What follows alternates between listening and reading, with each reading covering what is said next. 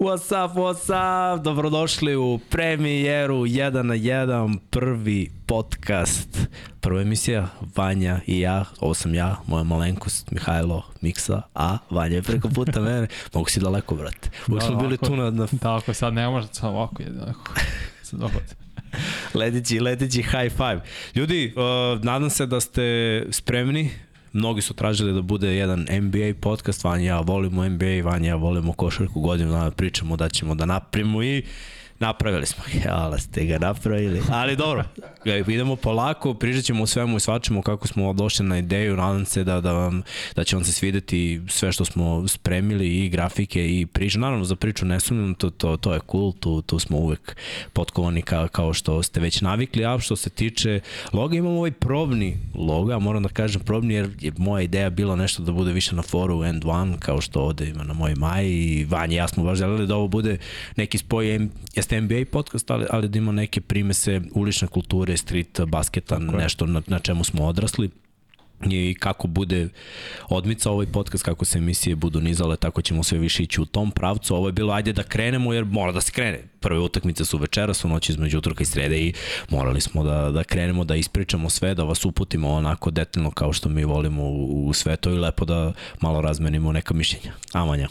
Slažem se, slažem se, iskreno uzbuđen sam. Spreman sam da krenemo kao što su ovi timovi večeras. Ne znam koliko su Timberwolves spremni da igraju, ali mislim da Lakers jesu, jesu ali što se tiče logotipa, ako možeš Srki, samo da vidiš dizajn kakav je išao i veliki pozdrav za Aleksandra Živkovića koji je bukvalno ovo radio za dva dana. Znači za vikend sam ga iscimo i napravio je Logotip i meni se sviđa, mislim zanimljivo kako je on dakle on stvorio ideju zapravo kako sve to izgleda i ovo je cool slika da objasnimo zapravo značenje logotipa u suštini. Da, da kažemo znači da je tu fokus da bude lopta, da sedimo jedan preko puta drugog, da je ovo kao jedan na jedan, pričamo kao i uvek kulturno, lepo, uh, sa argumentima. Argument. Da, nismo jedan protiv drugog nužno, ali Vanja ja uvek imamo svoje mišljenje od kojih ne ostupamo i ono što je uvek dobro zato što poštujemo mišljenja ovog drugog i nekako mi deluje da je sve to super, ali ovaj moment na kraju me ne kupio, znaš, kao gledalac. Da, gledalac je dobio svoj smajl, ali gleda ovo i uživa, pa ljudi ako uživate, ako uživate u ovome što, što gledate i slušate, jedan like, ako se niste subscribe-ovali na Infinity Lighthouse, jedan subscribe, a, takođe posetite naš shop, pogledajte šta sve imamo, trenutno nije mnogo stvari za košarku, ali mislim to je banjen je moj sport, tako da radimo na tome i, i bit će to korak po korak, bukvalno. A, kako vam se sviđa logo, kako vam se sviđa špica, muzika i špice je uh, jedna moja stvar, stara stvar iz 2006. E, ta stvar kida, iskreno, ta stvar baš kida, da. kad sam im postao prvi put rekao. Da, nice. do, dobro je, baš je, baš je old school, yes, onako, i, ide. Pozdrav za Dragana Stupara, ako slučajno ovo gleda, to je moj sensei, čovjek koji me naučio sve u muzici i ovo je i njegovih uh, ruku delo. Uh, tako da, ajde, ajde da ovaj, krenemo od Možem. pitanja da li vam se sviđa logo, da li vam se sviđa špica i da li vam se sviđa termin, šta mislite u kom terminu bi trebalo da idemo, ja mislim da može da bude dosta ljudi u live ako radimo ovako. Pa da, mislim da će biti razni termini sad u četvrtak recimo, mislim da ćemo raditi i uveče, da ranije uveče ili kasnije, to ćemo još da vidimo, tako da biće razni termini, trudit ćemo se da budemo što više puta nedeljno, sad dok je prva, druga runda play-off, jer tad ima najviše utakmice, posle gledat ćemo ono dva, tri puta nedeljno i razni termini, uglavnom možda čak utorak 6, ne znam, četvrtak uveče, pričali smo o suboti, isto to možemo kad god možemo pet ujutro radimo. Što se mene tiče ovom posle utakmice, mislim ono, da. otvoreno je sve, samo ove nedelje ćemo raditi dva puta, vrlo verovatno, pošto ipak je uskrs i sve to i mislim, praznici su, pa od ponedeljka, možda čak i budemo radili ponedeljak, jer tad bi već krenuo klasičan play-off u NBA-u i sve da pokrijemo, pa onda, mislim, orijentacija će biti kako budu bile utakmice, kako budu išle runde u suštini, ali smanjit ćemo broj epizoda kako se završava playoff. I posebno zahvala sa Admiral Betu koja je od prve epizode su tu, Tako da vidjet ćemo koliko će da traje ova saradnja, ali super je, drago mi što su videli da je ovo nešto dobro, nešto cool i zadovoljni smo sad. Da, respekt za, za podršku od yes, samog yes. starta. Uh, ajde da se malo bacimo odmah na četvrtak i na tu najavu za sve ljude koji žele da gledaju ovu live da kažemo četvrtak je jedan prometan dan ovde u studiju na kraju mm -hmm. univerzuma. Kreće se od 12 ujutru kada Paja već snima svoj podcast pod kapicom. Nakon toga će Srđan snimati Lab 76, ove tehnikalije koje snima u poslednje vreme i onda je plan da mi krenemo u četvrtak u 8. To, to sam za sada stavio kao plan. Mm -hmm. Vidjet ćemo koliko ćemo danas potrebiti. Dobro, danas imamo i ovaj neki uvod, ali mislim da s obzirom da još uvek se ne igra mnogo utekmica, da je fokus uh, samo na play-inu, znači danas ćemo se fokusirati na tabelu koja je Tako kako je. prošao. Nećemo mnogo ulaziti u analizu određenih uh, match-upova s obzirom da nema potrebe jer imamo dovoljno prostora za to. Sad je fokus play-in i šta se desilo. Pričat ćemo malo o ekipama koje su eliminisane. Eto, za taj prvi put da, da skinemo to uh, sred, uh, sa plana, da mhm, kažemo da, da je to gotovo i posle toga se posvećamo samo ekipama koji su u play-offu i onda analiziramo matchup, analiziramo igrače, učinke i kako utakmice budu prolazile, onda ćemo analizirati i mečeve koje gledamo. Hvala svima, vidim da vas ima tu, trenutno 100 lajkova, već 150 ljudi u live-u. Lepo, lepo, to je to odličan, odličan, odličan procenat ljudi, hvala na, na podršci. I ajde da, ajde da krenemo odmah od uh, tabele istoka i zapada. Mislim da, da trebalo može, bi tako može, da počnemo. Može. Šta kažeš? Može, možemo krenemo odakle. Hoćeš istok onda prvo? Dakle, može, da zaletimo. može. Bliže nam je ipak istočna obala. Ajde, 6 sati razlike. 6 sati razlike i mislim, Milwaukee na kraju prvi, ima 58 pobjeda i uopšte nije iznenađujuće. Jeste da je Milton propustio više od pola sezone, mislim da je odigrao svega 30 mečeva, ali Milwaukee ima tako dobru hemiju i stvarno su napravili šampionski tim. Inako da. mi je delo, ne znam za, za tebe sada, da su onako u određenim momentima ispu, ispuštali gas, a u poslednjih dva meseca imaju najbolji skor od 1. februara. Da. Pa dobro, imaju najviše pobjeda u NBA-u, ajde, Tako ajde je. to da kažemo. Mm -hmm. Takođe, moramo da uzmemo obzir da su oni godinama u samom vrhu ili su prvi ili drugi na istoku. Tako je. Pritom su konstantno u završnici play-off. Ovo je jedan ozbiljan tim, tim koji ne menja svoj kostor nosioci igre. To je vrlo važno. I rekao bih da su oni meni broj jedan favorit za osvajanje, generalno. Prvo, ajde da krenemo ovako. Pogledam i ofanzivno i defanzivno sve ekipe. Da li vidiš ekipu koja ima bolji spoj a, sa obe strane terena. Znači i ofanzivno i defanzivno ekipa koja koju god petorku da stavi, kako god oni da, da iskombinuju, to je jedna dobra defanzivna petorka koja može da da u svakom trenutku preko 120 poena. Pa kad su zdravi, da. Kad su zdravi, mislim da ne bih stavio prve, stavio bih top 3, jer u veliki znak pitanja Middleton prošle godine u play-offu su ispali pre svega da što on bio povrođen protiv Bostona i nije mogao da igra. Istina. Tako da, ali stavio bi Boston kao možda i bolji malo. Jako Boston je, nadovezat ćemo se drugi na istoku, ali kombinacija Browna i Tatuma, to je neverovatno. Obojica, Brown ima 26 pojena po meču, Tatum 30, prvi igrač Celticsa ikada da beleži 30 pojena u jednoj sezoni, što je suludo po kako su igrači imali. Ali kombinacija njih, naravno, Marcus Smart, Al Horford, onda Griffin ima sklu, i ulazi iz klupe, ima Derek White, znači imaju više igrača koji su stvarno igraju sjajni plus Boston, imam više uspeha od Milwaukee u poslednjih 5-6 godina. Igrao su četiri puta finale konferencije i ovo je no, Ali koliko kor. puta veliko finale? Jednom, kao i Jednom, Milwaukee. kao i Milwaukee, da. To, to, da, je, to je neko izjednačenje po mom mišljenju. Pa jes, ali imaju, meni delo imaju više iskustva, jer možda sada mi svi gledamo kao Tatum i Brown mladi igrači i dalje, oni dosta iskustva imaju. Tatum mislim da je od prve godine igrao no. finale konferencije. Koliko puta je Boston prošao Milwaukee? Jedno, prošle godine. Prošle godine. Tako da, je. Da li je to... Ukrštali. Miami da, da. često ili jedne ili drugi izbacio, što se da. dešavalo preko par godina. Da li ti deluje ove godine da su ovo dve najkompletnije ekipe? Da, ajde, da, se, da ostanemo na istoku. Da, da, dve da. najkompletnije ekipe Meni na da. istoku. Da. Sa tankom, tankom, tankom granicom. Inače, uh, Middleton koga si pomenuo da je bio povređen se vratio, nije u, u full formi, nije, nije 100% spreman, ali vratio se i to definitivno znači. A jedan od posljednjih mečeva koji su igrali međusobno je baš bio sramotan za Milwaukee s obzirom da je bilo 140 140 99 99 da, da. Mislim rukom srce Milwaukee ok, imao je pet utakmicu 7 dana u tom periodu i opet nije opravdanje izgubiš 40 razlike, baš. Da. To je baš sramotno, ali kao Milton ono, ulazi u formu, beleži 15 pojena, Holiday ove godine baš kide, beleži skoro 20 pojena, 8 asistenciji, neverovatno je Brook Lopez koji čovek koji ima 2-13, nikad u karijeri nije imao 9 skokova u proseku za jednu sezonu. Mislim, to mi je suludo kako igrao je njegov napredak tokom karijere i evolucije, bio je post-up igrač, igrao je stvarno sjajno u rekete, oko rekete, sad šutira trojke i, mislim, igrao odbranu, igrao sjajno, možda će biti all defensive team, da li verovatno drugi Ali Imao je nekoliko utakmica sa devet.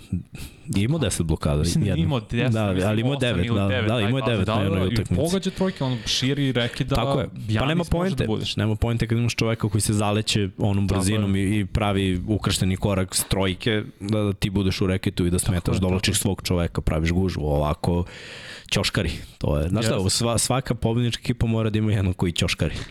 znaš, tako je, to im je i radio PJ Tucker takođe sa, u šampionskoj sezoni zajedno sa Brukom Lopezom. Mm. -hmm. Tako da, ajde da kažemo da, da su ovo dve jako dobre ekipe, ekipe Jesu, koje su jesu. opravdale uh, to što, tu ulogu favorita u toku regularnog dela sezone, da su došli do najvećeg broja pobjeda i Milwaukee i Boston, pošto smo ih uključili u priču, pa ajde Tako da je, ih tako ostavimo. je. To su dve najbolje ekipe u čitavoj ligi. Tako, Boston 57 pobedni su imali više od 2009. kad su imali 62. Mislim, vrlo je, kaže, Milwaukee od 2000, od 2000, od 1. februara ima 24-7.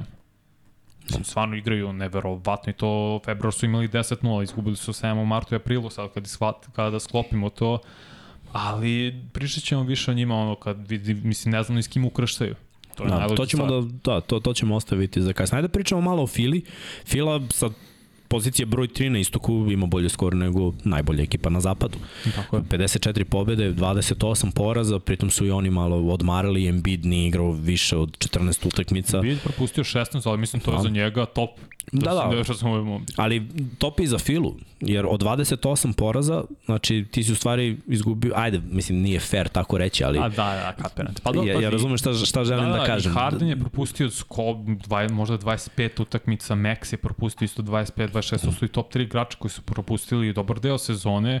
Za Embiida očekivano, mislim da je par, dosta tih, da ja kažem 3-4 ta meča je bilo pe, e, preventive radi, kao ajde svaki slučaj ti da ne igraš back to back, ali opet Harden 21 i 10 predvodio ligu u asistencijama, što je suludo, to je drugi put već da radi, Max je baš napravio iskorak, ali neko Tobias Harris se malo pogubio u tome, uh, Tajbol je izgubio skroz minute u rotaciji. Fila je opasan tim, opet mi nedostaje nešto kod njih. Nikada ne mogu da im verujem u play-offu. Da, to je u stvari mana. Mada dobro, bilo to nesrećnih ispadanja od Pa, Toronto u posljednjoj sekundi. Možda smo. Luka i ja pričali jer smo radili tu utakmicu koja je to bio šok.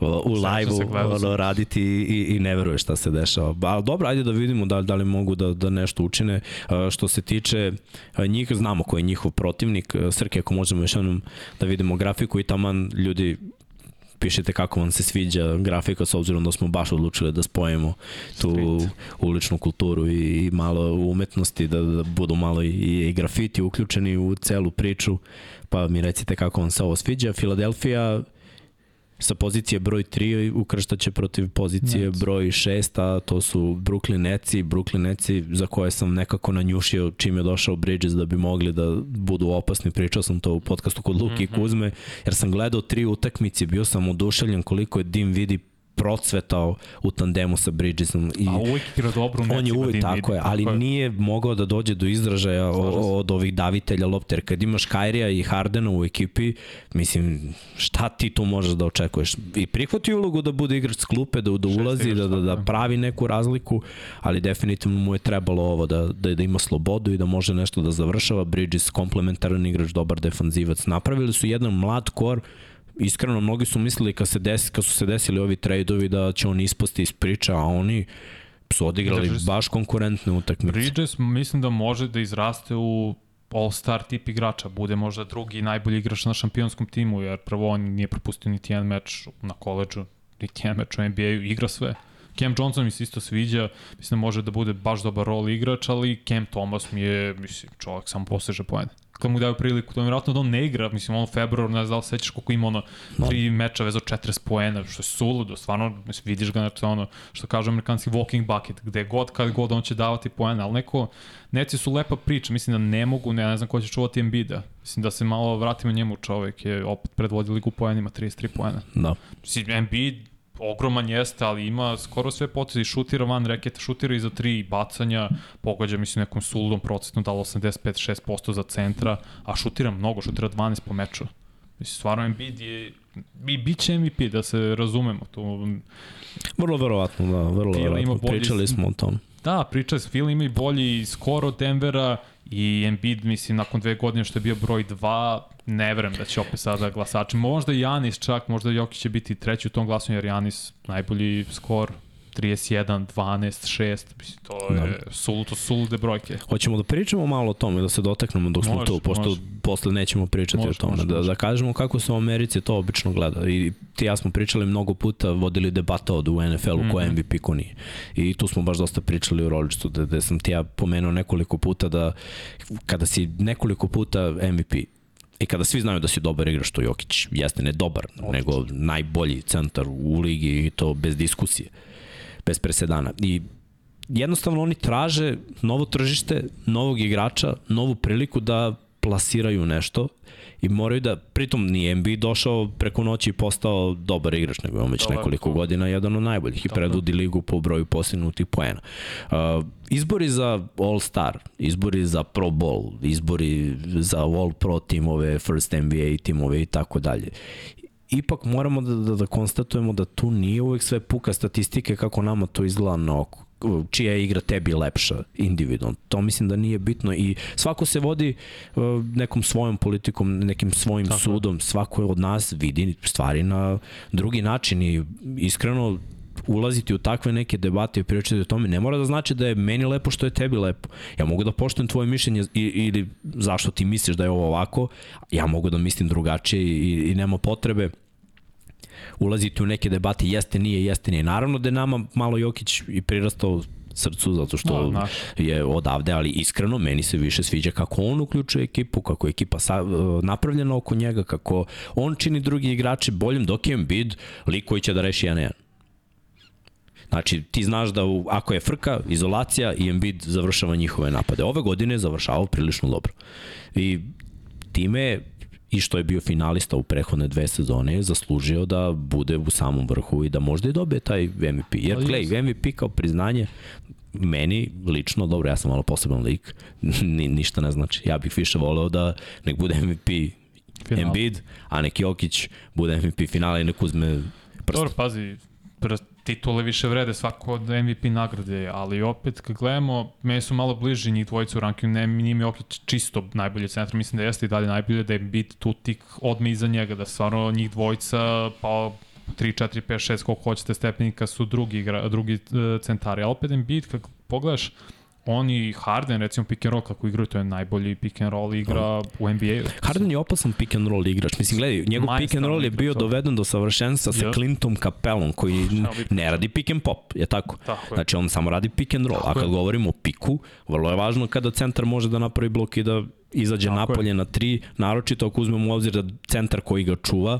mora da obrati pažnju na Hardena koji je jak, koji zna da uvali rame, zna je telo uglove. u svoj fizički Tako kao što je. je bio, nije približano Houstonu, polako vraća telo na neki nivo koji smo navikli. Ajde da pričamo ovako, mislim, ja, su, ja sam udušen njegovom pick and roll igrom.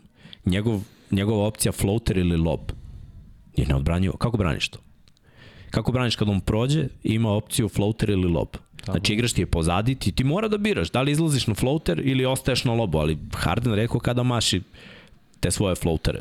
Čisto, stvarno je opasan igrač. Mislim, Da. maši u play-offu zato što je u play-offu uvijek podbaci i ne, ne postoji igrač koji će sada Juri Hardena kad igra pick and roll sa Joel Embiidom da što Embiid je ogroman i ne može ga zaobići, što je tako. Da. Mislim, realno zakačit ćeš se ili ima da ga uh, čukneš šta god, ne možeš samo ti da izbegneš pick and roll kad je Embiid u pitanju, ali Embiid moramo da gledamo i njegovu odbranu. On stvarno je, mislim, realno prisustvo u odbrani Filadelfije.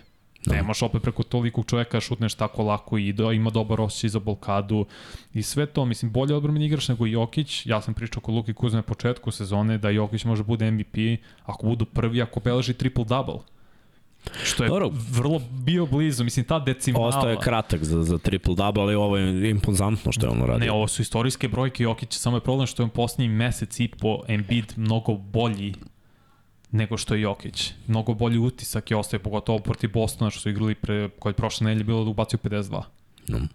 Mislim, i- ja sam mu zamerio što nije igrao protiv Denvera i Jokića i to je bio minus, ali on bio u fazonu, ok, super, sad ću dam 52, Boston je obezbediti MVP nagradu koju on željno želi, znači on je i možda i zaslužio prošle godine, mislim da nije, jer su imali manji broj pobjeda nego Denver, ako su imali bolji seed, to ja gledam broj pobjeda tima, statistika jeste bitna, ali kako tvoj tim igra i koja je pozicija i broj pobjeda, to dosta za mene utiče. I naracija kako završavaš sezonu. Jokić je slabo završio sezonu. Denver Jeste je Denver je slabo završio. de, imao 9 pobeda u poslednjih 19. To je ispod 50%. Mislim, to utiče. Mada Jokić je propustio neke utakmice Jeste, i finišu. to mi se nije svidilo. Mislim da je mogo da odigra još 3-4 utakmice. Da je ovo isto bilo preventiva, jer nije bio povrećen. Imao nešto problem sa šta je bilo, da li šaka ili lisnem predstavu, ali mogo da odigra i to je možda bi mu to dalo dodatnu prednost. Da beleži triple-double, zvanično, da bude sve preko 10, što je za centar, mislim to Phil Chamberlain je nije uradio koji ima sve statistike za centare manje više. No. Tako da mislim Embiid je, mada i Janis, kažete opet, ne mogu da za, zanemarim Janise koji najbolji skor, mislim statistika njegova Da, da, isto bolesno dobro. Ma dobro, Janis je vanzemaljasto, to nam je, to nam je već dobro jasno. Uh, ništa, ajde da nastavimo dalje, idemo mm -hmm. na poziciju, možemo i da spojimo, pošto je to meča, pozicije 4 i pozicije 5, gde gledamo uh, New York Knicks i Cleveland Cavaliers, to je onako uh, možda i bilo neočekivano, ali su napravili jedan podis. Ja se sećam dok sam radio evropsko prvenstvo u, u košarci i, i baš sam radio finsku taj dan. I, znaš, ono sve, zna, znam da igra Markanen i odjednom taj dan, bukvalno pola sata pre početka utakmice, kliknem na, čisto da vidim da li se nešto nije promenilo, da li ima nekih priča, kada ono, bam, trade.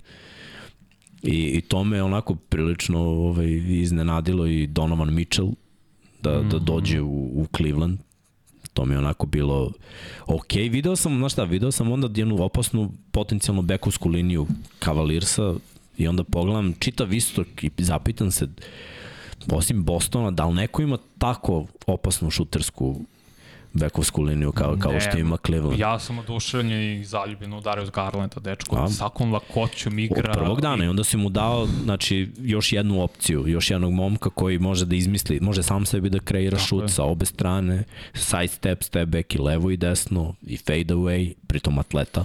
Može na Suludo prodor, atleta. može da kuca, može sa zadrškom, bukvalno može sve. Podsjeća me na Vejda, ja to odmah kad je bio draftan meni, on posle prve godine rekao, Mitchell me posjeća na Dwayne Vejda. Samo možda ima malo bolji šut sada jer je neophodno i plus Mitchell nije propustio niti jedan playoff od kad je ušao u NBA, šest godina za redom. Mislim, ono kažem i Harden isto 14 godina za redom igra playoff. Kako god da je loš u playoff bio, Da, da, ulazi u playoff. Ulazi u playoff i mislim, ta, kakav rebuild je napravio Cleveland je nakon Lebron neverovatan. Garland, tradeo iz Mitchella, Mobley isto mislim mnogo sviđa na poziciji 4, možda igra i 5. Jared Allen, njega su ukrali iz Neca, mislim Neci Da. tada baš su ebe. Neću Neći su rasprodali sve da bi napravili oni trio kojim se nije Yes, isplatio. I nije se isplatilo, ali fali im trojka, da li je to Koro i mladi ili Karis Levert isto mi igračina, može da daje poen, Da. mislim da i u ovom bubble isto ima. Da, par Lavert sam sebi može da kreira poen isto, to, to, to je jako jeste. važno, to je isto radio u Brooklynu jako Tako je. dobro. Žao mi što su on, mislim, Kevin Love se više nije uklapao, ali zanimljiv kor ima i mlad Cleveland koji može Da. godinama da traje i stvarno će biti opasni. S druge strane, Knicks i to mi je, oni su mi low key priča sezone. Ali i oni su pogodili sa dovođenjem igrača, jer E, nisam očekio Bransona, iskreno. Kako nisi? Kako nisi video prošle godine ka- kada, kada je... Su momenti. Ali on je sam kreirao to. Jesu Jest, momenti. jest. Bilo je mnogo igrača koji su napravili splash, naročito nižih, naročito nižih Ok. igrača, kao što je uh, Isaiah Thomas imao svoju sezonu u Bostonu, gde je sam kreirao, gde je pravio, da, da ih je vodio, ali Bronson je rešavao prošle godine kad je bio igrač s loptom i kad je bio igrač koji odlazi od lopte, koji se otvara iz kretnji i nekako je sve imalo smisla i opet Nixima je falio back Ali tako mi je play. delovalo. Play, baš I, play i, falio. I mislim da su dobili pravu stvari, ovo što su Cavaliersi i Nixi na, na poziciji 4-5 za mene pravo oduševljenje i nekako se nadam da će ta ja mislim da će ovo biti najneizvesnija serija zapravo na istoku šta god da se desi kogod da uđe da prođe play-in i da uđe u play-off na kraju Evo sad gledam Branson, 24 poena, 6 asistencija. šta Ja nisam to vidio. gde ćeš više Ne, ne, super, ja kažem, ja nisam vidio Bransona iskreno i mislio sam da je iskreno prošle godine igrao u play-offu na višem nivou zbog ugovora i sve. Nisam znao da će biti ovo, da će treba može da bude i all-star igrač. Sviđa mi se što se Randall vratio na svoj all-star nivo 25 i 10 i 3-4 asistencije. Tako da i Jared J. Barrett igra sve bolje. Knicks imaju neku sortu velike trojke, nazovem, ne mogu da zovem još velikom trojkom, mislim Da, da, da, što nije to nije velika dokazano, trojka. Ali imaju dobar i zanimljiv tim. Fali mi dalje super zvezda da. za titulu. Pa dobro. Nažalost, ne, Da. nije mi to ni Randall, nije ni Branson, ne verujem da će biti ni Barrett. Gledaj, za, za, za ljudi koji naviju za Nixe, dobro je što ih vide u play-offu, jer se sećamo ono kad je bio Wild and Out, pošto sam gledao to pre nekoliko, pre nekoliko godina je bila fora baš što snimali u Njujorku i onda je bilo kao da bace foru na, na izjavu uh, št, da kažeš nešto što se neće dogoditi, ali da bude smešno, razumeš? I dolazi French Montana i kaže Nixi ulaze u playoff, razumeš? Znači, toliko je postalo sprdnja za Nixa da uđe u playoff, jer je bilo nemoguće sa svim onim ekipama.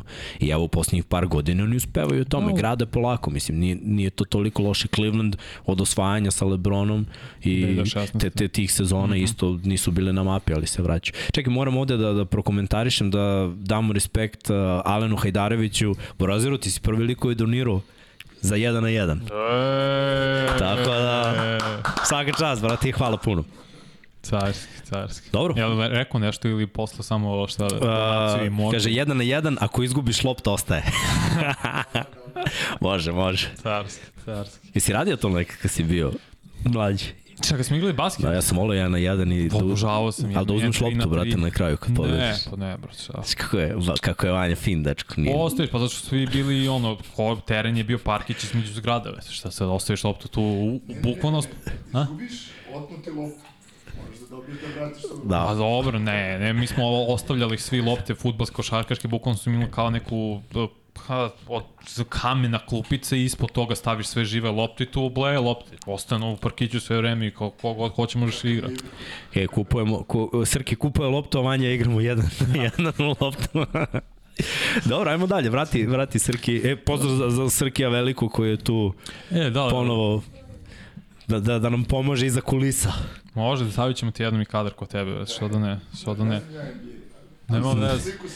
Srki ne, da, to. Srki ne zna NBA, ali smo zajedno bili tu sa Derikom Roseom, pa je on bio sa Donovanom Mitchellom, Dono nam je ovde dres D Rose-a i, i, i kačket Bulls. Uh, da. Sedmo mesto pripada, tu već pričamo o play-inu. Play Sedmo mesto Miami Heat. Za Nets, za Knicks i Cavaliers se mislim ovo možda smo i Manuel Quickly i Josh Hart su po meni oduševili, pogotovo Hart kad je bio tradeon u Knicksima, no defanzivno prisustvo njima potrebno u backcourtu i on to da i energiju i igra jako i trudi se. Ja volim takve igrače koji ulaze s klupe i koji znaju svoju rolu i o, oni su zvezde u onome što oni rade. I zato je Hart fenomenal uh, trade bio za Knicks.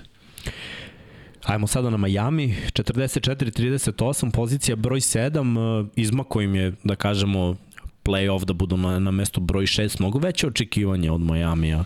Yes. Uh, već pa od dana kada su bili u, u finalu.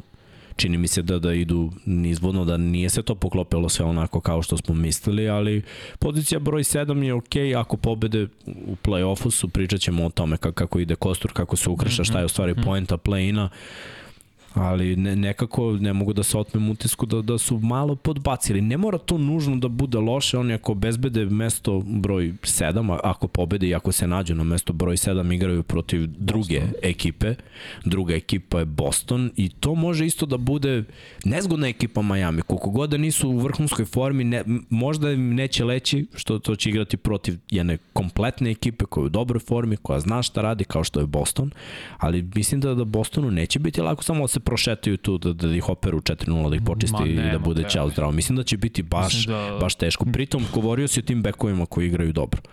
Mislim, Miami ima par dobrih defanzivaca koji mogu tu da, pa da kažemo, bar otežaju situacije. Ne, nezgodno će biti Boston, ja mislim da oni se nadaju da će biti Atlanta pre nek čudom pričat ćemo o match-upu Miami i Atlanta, ali svakako Miami imao razočaravajući sezon jer prošle godine su bili maltene šut od finala, od šuta Jimmy Butler koji je mašio trojku preko Horforda i dalje mislim treba da ide do kraja tad.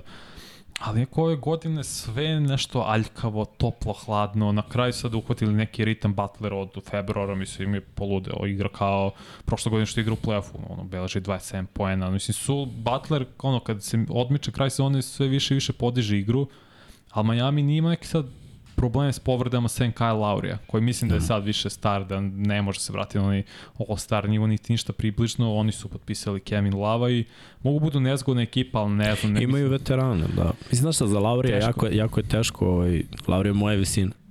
Yes. S mojom visinom igrati u NBA nije baš laka nije priča. Zahvalno. Mislim, re, mora da budeš, znači igrači koji su te visine, ako igraju dugo godine na visokom nivou, počnu da igraju vremenom na foru, kao Chris Paul. Naš Iverson nije znao da krene da igra na foru, on je znao samo da koristi svoj atleticizam i u onom momentu kad ga je atleticizam izdao, tad je prestao da igra na, na visokom nivou. Chris Paul igra već neko vreme, a Lauri čini mi se da, da i on krenuo onako da, da pada i da mora da pronađe neke fore ako želi da ostane da li u onoj fore. te neke fore, iskreno. Mislim Kao, da kao iskusan on... igraš, ti, mislim, imaš te fore. Pa ne sa, znam, sa, samo... Mi kvalitet kao što su ni Chris Paul, ni Iverson koji nije znao to. Neko mi je on, je Lauri imao svoj pik u Torontu dok su osvajali godine pre toga, ali mi nekako nije to to više, ostario, nije ono, mislim, sad je realno hero u treći najbolji igrač i on je beležio 20 poena, Adebayo isto beležio 20 poena i Miami neko se u čudnoj fazi nalazi. Mogu da iznede Boston, mislim mogu i Milwaukee da iznede jer su obe tima i dobijali i prethodnih godina u play-offu, ali mnogo teže sad. Baš, baš, baš, baš mnogo teže. Uh, Srki, Je možemo da vidimo onda tu playoff sliku, taj playoff kostur, pa mm -hmm. kad smo već došli do ovog play-ina, do četiri ekipe, mi smo i podelili ovu grafiku na prvih šest ekipa, pa na četiri koji igraju play-in i onda ove momke i timove koji se neće ovaj mnogo veseliti dok traje off season. Evo kad smo tu kod play-ina, uh, vidite sa ove istočne strane koje uh, s desne strane ekrana da će prve mečeve igrati Miami i Atlanta. Atlanta koja je e, završila na poziciji broj 8, eto možemo malo da pričamo i o njima i da malo dotaknemo taj meč koji, koji se igra večeras u noć između utorka i sreda. Mislim da je pola 2, a zapadna obala u 4. Uh, što se tiče drugu, druge utakmice na istoku, što se tiče play-ina, Toronto je na poziciji broj 9 i onako veliki podbačaj Čikaga, očekivali smo više, ajde i tu je bilo povreda. Ali i... nije toliko, znaš, gledao sam baš i nisu propuštali mnogo utakmica, mislim da je bilo možda desetak maksimalno, i Lovin, i uh, DeRozan, Vučević igrao sve mečeve, mislim ko ovaj... Znaš šta, meni, možda ti, ajde, reci mi šta ti misliš o ovome? O Chicago? O, o, o Lonzu, koji, Lonzo... koji, koji ima nešto, neku energiju, radi defanzivno jako dobar posao kao, Play kao play. Znaš, treba im i on. Nije dovoljno da, da imaš ovu trojku. Bar mi tako deluje. Deluje mi da, da je Chicago taj. potrebno, da, da oni nisu tim koji može da igra s trojicom, nego su oni tim koji, kojem treba petorica. Kapiram, znaš, mislim, Kobe Kao i Toronto. Ti nije, ovaj, Toronto, Toronto kad je osvojio, se sećaš? Znači, ali koliko, ima super zvezdu. Ima, ima jednu, tako je, ima jednu super zvezdu, ali Imao je okolo igrače koji, koji su kad Kavaju ne ide znali da odrade posao. Znači i Sijakam, i, Sijakam, i Van Vliet i Lauri. Tako, Uvijek si imao na terenu 4-5 igrača. Mislim da je to potrebno i Chicago. I sad match-up upravo ove dve ekipe da Toronto nema više tu ekipu koju je imao nekad, ali meni na papiru Chicago je bolja ekipa. I iskreno ma, malo i gajim simpatije bez obzira što imam neku La Familiju tamo u Toronto od koje dobijem stalno. O, evo i tu, tu su neke stvari Toronto Raptorsa Ove, ovaj, ali, ali deluje mi, deluje mi da je Chicago bolja ekipa i da ako prođu dalje, ako prođu tu prvu prvo kolo tog uh, play-ina, -hmm. da bi oni mogli da naprave veću štetu. Mogu sigurno, jer kaže se Chicago nisu ni čak ni podba, podbacili njihove najbolji igrači. To je mnogo čudna situacija bila u Chicago i da li je to do, do trenera, mislim da je uh, Billy Donovan trener i dalje, možda on treba da se menja, možda je do njega, jer imaš dobar tim sklopljen. I Patrick Williams polako igra sve bolje i bolje, mislim, beleže 10 pojene, on odbrbeni igrač, Kobe White pospomenuli, ovaj Ajo do sumno mi se mnogo sviđal, ta dva playmakera nisu Lonzo. I Lonzo ima neki ozbiljan problem s kolenom, da li je aritmično koleno, ne još jedna, je. Još jedna operacija, još jedna godina. Mislim, gledaj, Cela. nije on star i medicina kod njih je ovaj, Nije, sve jače, 26, jače, ali... Koliko, 25-26 godina? Lonzo. Nisam, nisam siguran, sad ću, Aj, sad ću, sad ću Mislim, pogledam. Sve svemu, možda promena i sredine, možda treba da se traduje, nemam pojma, DeRozan za uh, Damian Lillard ili nešto da pro, možda prosto ne mogu da se uklope kao tim. Imaju dobre igrače, vidjeli smo i pre da prosto... Tvoje godište. Oktobar 97. Pa da, znači sad tek treba na point 26. Mislim, to ne znam, mnogo čudna situacija. Ima talent, nisu propušteni, nisu bili povredni, samo nisu mogli da sklope sve kocke. Patrick Beverly im super pao. Iskreno, kad je Patrick Beverly bio tradeom kod njih, to je zapravo potpisao, oni su proigrali. Igrali su mnogo bolje i izborili play jer su pre toga bili koji 11. 12. A Toronto s druge strane, mislim da su očekivali od Scottie Barnesa da napravi taj sledeći korak u drugoj godini. A on je stagnirao. I dalje beleži 15, 6, 5. Mm. Mislim, mlad je on vrlo, on možda ima 21 godinu, ali nije napravio iskorak dok Sijakam iz godinu godinu igrao sve bolje i bolje. I oni Da. trebaju menjaju trener, mislim da se to priča, da Nick Nurse će otići. Da, Nick Nurse ide, to, to je definitivno. Ali ajde da kažemo da, eto, to je neka play, možemo još jednom da vidimo uh, Srki tu play sliku i eto ja taman da najavim uh, te utakmice. Znači, uh, večeras u noći između utrka i srede, 1 čas 30 minuta nakon ponoći, Atlanta Hawksi igraju protiv uh, Miami Heat. Ajde malo da pričamo o Hawksima, to je tim našeg Bogdana Bogdanovića, eto tu i dres koji ti je Bogom, poklonio da, Da, da. dres Partizana, ali nema veze. Ne veze, dres. Nema Nema veze. Došao da doneće dres Atlante. Mislim, Atlanta, i oni su imali on, razočaravajuću sezonu. Pa iskreno jesu, da, ja sam očekivao više. Mada pazi, sad kad nije igrao Trae Young poslednjih par, nekih par utakmica, u stvari, uh, Bog je proradio konačno. Dejonte Mare ima više slobode. Dejonte Mare je više igrač iz tranzicije i onda je ta odbrana iz odbrane u Tako je. tranziciju bolja i nek, nekako ta tog gnjavljenja lopte, ja moram tako da kažem. Jeste. Na, naš, ono, osporavam dečka koji je all-star i koji daje 30 pojena kad hoćeš i, i svake pozicije isto sa, sa Limitiran. Visinom, ali da. limitiran s baš tom visinom, a on, nema, on može da ima 180. Mislim, Da, ja da, vidio sam igra protiv Majamija, vidio sam prošle godine Maja, li- Miami ga limitirao na 15 poena i 6 asistencija, a on beleži 28 i 9. Da, da. Ove godine na, na, na 26, ali 10 asistencija. Mislim, on razigrava, on beleži Jeste, statistiku, ali ekipa nekako A, ti ekipa. nije poletna, da, nije poletna. Ka, Dva kada je trenera je oterao. Mislim, ne mogu kažem da je on nužno oterao za koliko njegove četiri godine u NBA-u, ali mislim, on je jedan od dva, on treba bude lice franšize, a dva trenera su već otišla i mislim, ne bi me čuo da Atlanta traduje Trae Younga. Gde došli su do nekog limita. Mislim, sve pohvalje, igraju su finale konferencije kad su... Probali su da naprave priču oko njega. Mislim, dovođenjem nekih igrača, zar ne? Mislim, probali su, nije, nije prošlo. Ali ne znam šta im fali. Možda i, možda i ne treba im John Collins. Možda im treba neko, neki, kr, neko krilo kao što kao neka I misliš da je kad je- ne pojma. Misliš kad je Herter otišao da su izgubili jednu važnu opciju, mislim, ako gledamo šut za tri, Pa jesu, zato što im se klupa osula. da, To sam bi rekao od Luke Kuzme, klupa im nije na nivou kao prošle godine, mislim Bogdan je predvodnik de facto uh, tog drugog tima i treba bude ozbiljno razmišljanje za, še, za šestog igrača godine, ali fali im dubina. Atlanta se rasula, imaju dobre igrače, imaju super i all-star igrače, i Dejounte Mare i, i Trae Young, ali ne sviđa mi se da gradiš oko Trae Younga. Ne isplati se da gradiš oko playmakera generalno u NBA istoriji. Mislim, koji playmakeri su osvajali? Jedan, No. no. Magic Johnson koji ima 2.05, Da. Steph Curry koji ima Durenta, Clay Thompson, Draymond Greena i vrh tim i ceo sistem je fenomenalan koji je postavio Mark Jackson, poslu napredio Steve Kerr, a Isaiah mm. Thomas. Ok, Pistonci Bad Boys, mislim, i to No. bilo 89. 90. i znamo kako su Tony oni igrali. Parker, pick and roll, Tim Duncan, Ali Tim Duncan je dobar najbolji sistem, igrač da. bio. Jeste, ali Tony je rešavao mnogo utakmica. Jeste, ali to je bio Tim, Da. Tim Duncan. Mislim, Iskreno, najbolji meni je u je tom bio. trenutku, jako je ono un underrated, meni je Tony Parker bio naš jedan od najboljih playmakera tih godina. top 5. Jer imaš, jer ima, ti imaš ono pointere playmakere, imaš all around playmakere koji rade sve. Tony je radio Imao sve. je, ne, sve po i bio MVP finala čini se 2007. baš Tony Parker, ali opet ne, kad setim tih Spars, ne setim se njega, setim se prvo Tim Duncana, Greg Popović, pa onda Tony Parkera.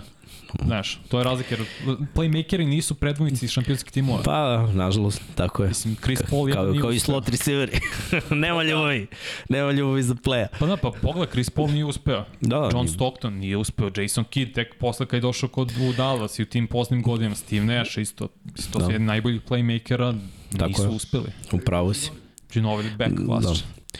Uh, dobro, ajde da vidimo Srki još jednom uh, tu play sliku, playoff sliku zapravo, Kostur, znači uh, još jednom da ponovimo, gubitnik utakmice Miami i Atlanta igra protiv pobednika Toronto i Chicago. Znači, Atlanta protiv uh, pobednika Toronto i Chicago. Ko izgubi Toronto i Chicago, pakuje se i, i gleda s kauča playoff.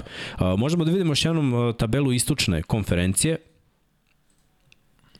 Jel Messi, ja moramo kažemo da Lebron, Lebron je sve, ali tehnički Lebron nije tek, playmaker, ako on voli da drži loptu kod sebe. To, Jeste, to je, playmaker kao što je Magic sa š- Da. 2-0, Kyrie? 2-0-5.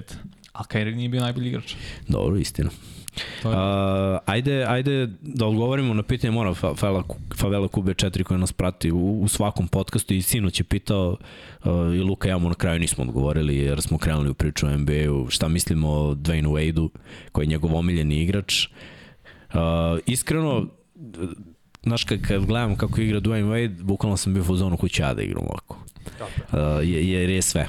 Dobra odbrana, vrhunski igra iz tranzicije, znači iz odbrane u tranziciju, jedan od najboljih igrača, znao je da rešava leđima na niskom postu, imaju ozbiljne prodore, at, ozbiljan atleta, tek u kasnim danima je malo krenuo da jenjava taj atleticizam, ali Tako na početku, mislim, gledaj, kad ti po čevnoj liniji iz rollinga zakucaš kapuljaču preko čoveka, znači da si preozbiljan atleta.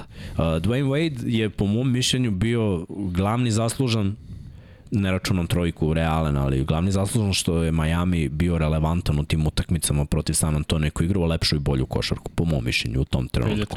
Jer je Wade preuzimao odgovornost i rešavao neke stvari. LeBron odradi sve kako treba i podali pas, jer mislim, neko je sami treba to da uradi. Samo smo se mi navikli na nove ubice koje preuzmu odgovornost, znaš. E, kada je neko sam i ko bi ima šut preko dvojice, ko bi šutno preko dvojice. Kada je neko da, sam, a Jordan ima šut preko dvojice, on je šutirao preko dvojice. Jeste. Navikli su nas na neki standard koji je posle, mislim, gledaj, Wade je usvojio i sa Šekom. To, I to, e, to da. finale Wade kad je eksplodirao, da li je dao 30 ili 40, kad je vezao te 3-4 utakmice, to je suludo bilo. Da, i to je bilo olimpijske igre. Redeem yes, Team. Bio je, bio je baš, I to, bio Dwayne Wade je jedna dominacija, moment. jedna institucija i ovaj, otpratio sam celu njegovu karijeru. Pa ne volim da rangiram jer, jer nije fair. A to ćemo raditi, mislim. Ra, radit ćemo, radit ćemo, ali D. Wade je jedan od najboljih A, a čekaj, bekova. lakše ti je da rangiraš, mislim, makar meni NBA igrače nego NFL. Dobro, jest. Glej, ja iskreno ne, ne, ne mešam ere ajde da krenemo odatle, ali ja, ako bi mešao poslednje tri ere, znači 90. 2000 i ovo novo što ide, on bi meni bio top 10 bekova, generalno. Iako ima ne, malu slabost u šutu za... Bez playmakera.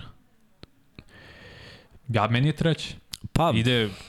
Vrlo verovatno da bi ga stavio u top 5. Znaš šta, moramo da uzmemo u obzir ovu evoluciju NBA u šutu za 3 pojena koju Wade zapravo nije imao. Nije imao potrebu da razvija. Nije imao jer je bila takva era, tako i onda možda nije fair, ali definitivno jedan od najboljih bekova koje sam gledao ikada i obožavao sam da ga gledam zbog te njegove želje koju ima, smatram da je ta borbenost i neka želja potrebna, moraš to da imaš, znaš. E, igračima može mnogo toga da fali, ali ta uh, kompetitivnost, ta, ta, ta želja da te niko ne pobedi nikada, to ono što je Wade imao.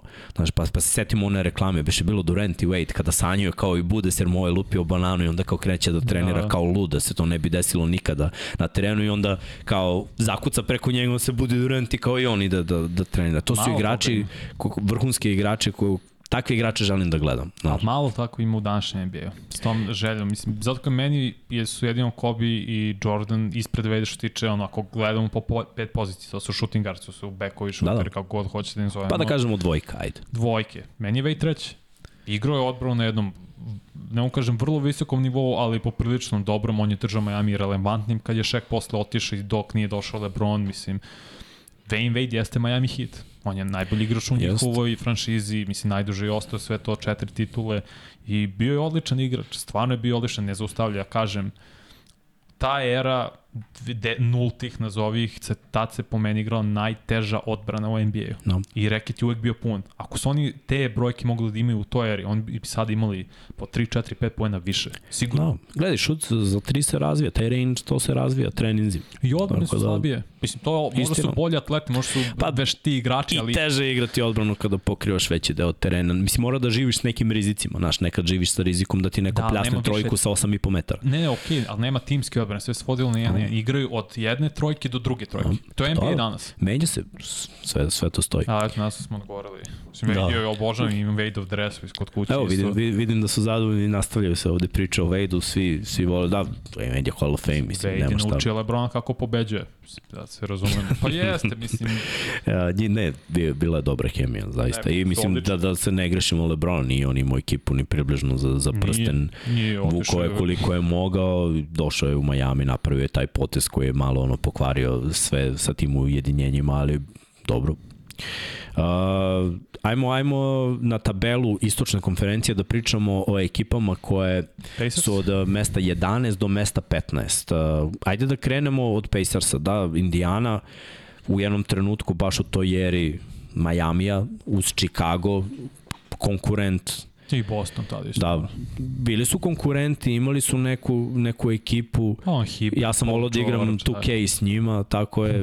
David West. Da. Tako je, Paul George je radio svoje i ovaj Hill kao playmaker George je, je, je. bio dobar. I onda jedan sunovrat, mislim, držali su se oni do nekle, pravili su neke kombinacije, pa su pre par godina imali sa Bogdanovićem jednu iznenađujuće dobru ekipu, ali, ali sada mislim da je ovo realnost. Mislim da oni moraju jedan rebuild, Krenuli su oni rebuild, mislim, Pa da. su i sa Bonisa za Halliburton, Da. da. što je... ali to što su tradovali sa Bonisa, na kraju se baš isplatilo Kingsima, a njima ne. Pa, ja bih rekao je pobjeda pobjeda. Mislim, Halliburton je bio all-star igrač.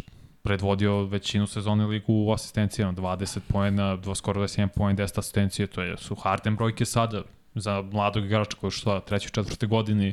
Tako da je meni to za jedne druge pobjeda, ali treba im bolji tim. Buddy Hield, isto igra čovek, skoro sve utakmice, Da. Miles Turner, to su... Moram ti ispričam jednu anegdotu za Badija. Da. Radimo Dare Plavšić i ja All Star Rising Stars. Igra Bogdan, naravno. I igra, naravno, s Badijem u ekipi, obojica su tu i sad ide, Bogdan prelazi preko pola, dođe do trojke, pljas, pljasne trojku sledeći put, napad, Bogdan metar dalje od trojke, pljasne trojku. Tri je vezao. I sad četvrti napad, lopta kod Badija. I sad ono, Burazeru, stvarno da je neko vezao tri trojke u posljednje tri, a svaki put se odaljivo po pola metra metra. Uzemo je, da. I uzo Badi Burazer i stane, brati, šut. I kaže, Dare, neka Badi, šutni ti. Evo, brate, znaš kako smo oplakali. Sjeti se Ali Buddy Hill, E, mislim, on je imao jako dobar procent na šut, ali šutirao trojke kao lud, mislim, ako toliko šuteva uzmeš, moraš je da i daš. Jest, pa on je dve ili tri godine za redom drugi po broju postignutih Da, brojki. u mislim, oborio je rekord u franšizi Kingsa po broju šutnutih trojki, a setimo se imali su jednog Stojakovića koji je redko mašio, mislim. Ne, kvalitetan igrač Buddy Hield, samo je ono više neki četvrta, peta opcija. Kažu ljudi, zašto trošiti vreme na te ekipe? Pa ide, ovih zadnjih pet realno ne zaslužuju ni po jednu rečenicu. Ajde, nemojte tako ljudi, sad ih Nećemo pominjemo, sad ih pominjemo i nema priča o njima do kraja. Pa, uh, si, si, ukratko, Pacers i, i draftali su ovog Matorina Benedikta i mu je lik, baš dobru ruke sezonu. Da. Bio je najboljih ruke on, Bankero i Jabari Smith, mislim, stvarno su bili baš, baš dobri vidjet ćemo kako će da se razvije generalno priča za Pacers. Daleko su oni od bilo čega. Da. Ništa, idemo dalje, e, idemo na ekipu koja je broj 12. Srke, ako možemo još jednom da vidimo ove naše grafike. Kako vam se sviđaju grafike, ljudi? Uh, Washington Wizardsi su na poziciji broj 12 i oni su dosta menjali svoj roster, ali bukvalno od one uh, Gortat, John Wall ekipe ništa se nije desilo i Wizardsi, mislim, godinama kubure na, na samom dnu istoka, tu se bukvalno ništa ne menja, ne vidim ne, neku budućnost ni za Vizarce, možemo Orlando malo Može, da kažem, mislim, odlažu rebuild, neminovni Wizardsi, tako što drže builda. Stvarno treba ga trade da ga puste da se čovjek bori za playoff, za nešto ozbiljnije u playoffu, mislim. Da li draft može da promeni? Evo imamo ovde priču, o, mislim ono, pričali smo o Vembanjama i imaju još talentovanih igrača koji izlaze Ima na draft. Da li jedan, jedan takav igrač može da, da promeni Ne ovo? odmah. Ne odmah, nije više tako, mislim, je, ok, desi se jedan Dončić i taj fazon, ta vrsta igrača, ali... Takav ne ulazi iskreno. Na, Pa ne znam kako je NBA. Vembanjama. Pa Meni Dončić sviđa, nije. Ali, znaš, Radio sam ga dosta u Evropi mogu da ti kažem da ima materijala, zašto možeš da pričaš, ali nije ne može da Dončića. utiče toliko na igru jer nije kod njega stana lopta kao što je Da. kod Dončića koji je de facto playmaker. To ste da. Da. da kažem. I možda je bolji prospekt i bit će možda bolji igrač jer sad polako meni se pričat ćemo da sve manje i manje sviđa kako Luka igra. Sve više troši lopta, Da. sve više samo nabija statistiku, no Pacers i ono, to je zapravo Washington, kažete, more traduju Bila. Nemaju, nemaju osam, mislim, Kuzma No. i njega isto traduju. Kuzma igra dobro, mislim, igra dobro i stvarno igra i malo i Porzingis igra bolje, ali to je nikakav tim, Da, da. u principu. Rebuild. Bukvalno tako, bukvalno tako. Znaš šta, malo bi se, ja volim Hornece nešto da gledam, jer meni Lamelo, Čekaj, a ovako, Orlando? pa Or, Orlando, vrlo kratko ću o Orlandu. Kad je posljednji put Orlando bio faktor? Kad je igrao Dwight Howard? Je tako, koliko je prošao tad? 12 godina. Eto, toliko Orlando. Znači oni su radili, menjali, bilo mi je žao gledati Vučevića u Orlandu, O, Vučić. jer, jer, jer tad su bili do nekle respektabilni što su imali neku stabilnost bar igračku. Mislim da, da to trenutno nemaju. I, Ubuli sa bankerom. a, pogađaju oni, ali mislim, istok je trenutno dobra Jest, konferencija pa gde imaš ekipa Pazi, Kazi, kad nemaš vrhunskog All-Stara, imaš 3-4, kao što smo rekli za, za Nixe, mm -hmm. kao što smo rekli za tipa Chicago, te, za te ekipe koje mogu da reše nešto na, na 3-4 dobre igrača. Orlando to nema i neće Još. to imati neće to imati ni, ni za godinu, dve, iskreno. Ja ne vidim, moraju baš da pogode. ne, da oni naprave su potpisivanje. Tri, tri godine od nečeg. Mislim, Tako je. imaju i Jalen Suggs. Znaš šta je problem za mnoge ekipe koje su tri godine od nečeg? Što nakon te tri godine, taman kada se desi da se nešto zakuva, oni znaju opet da pritisnu restart i opet da krenu. Problem. To je Tako njihov je. problem. Mislim, ne znam da će to uraditi. Kažem, meni se bankero mnogo sviđa i pre drafta i sve. I Suggs je vrlo dobar playmaker. Ima oni ma, kolektiv mladih igrača, Wagner, Fultz, Wendell Carter, sad oni moraju da izrastu. Moraju da, mora da im se da, mora da im se da Treba prilika. vremena. Treba vremena. Isto pa, pazi, me, meni su i Hornets ta ista priča. U meni su Hornici gori. Ja ne vidim. Oni, Ne, pa iskreno. oni igraju streetball. On, on je streljao. Pa nije čudo što Jordan hoće ih proda. Neće da ih proda, hoće da proda.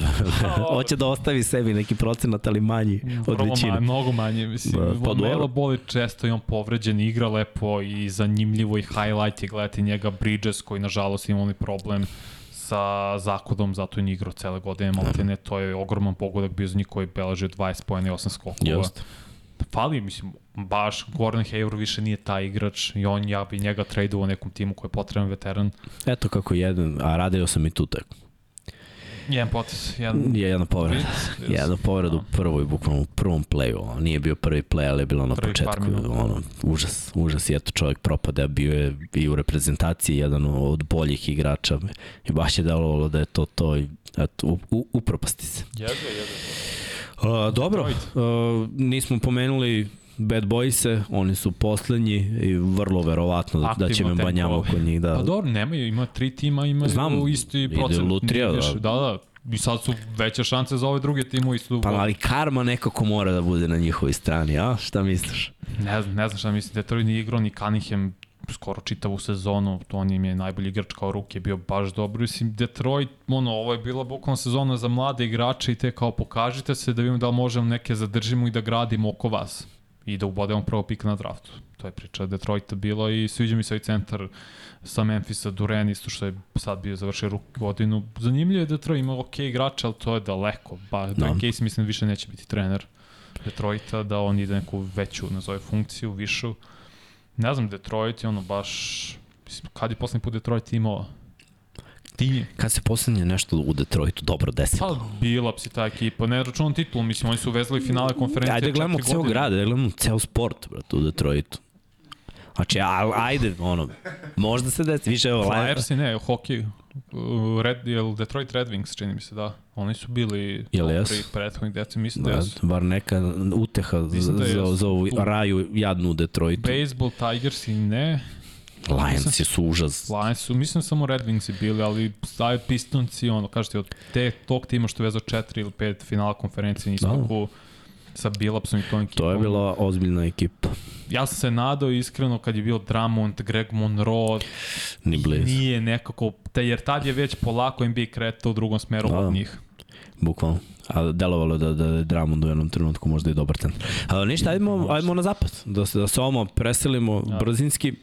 A, još jednom ljudi moram da vas pohvalim, znači bukvalno ovde stoji da je 228 ljudi u live-u.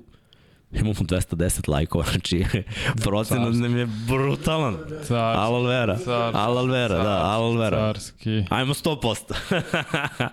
uh, ajmo na zapad, je prva ekipa, mislim, ako pratite Luku i Kuzmu, videli ste Ćelovog Luku, znači da je Denver prva ekipa, 53-29, uh, što se tiče Nageca ove godine, iskreno, lepo je biti na, u zapadnoj konferenciji prvi, jer ima ozbiljnih ekipa, ali neke ekipe su imale probleme s povreda, sklapale se tamo vamo, a Denver ima svoju igru, ima svog superstara, uh, igra mu se igra se Denvera zasniva na njegovoj dobroj partiji na razigravanju drugih igrača, on uglavnom proigrava, on kreira. Pritom je, kao što smo rekli već, za dlaku od triple-double u proseku, što je nerealno, ljudi, nerealno imati triple-double u proseku sa centarske pozicije. Znači, Znači- i vrlo visok procenat šuta iz igre, mislim bio 60, Da. nešto posle ću ti kažem tačno, Jeste. ti si.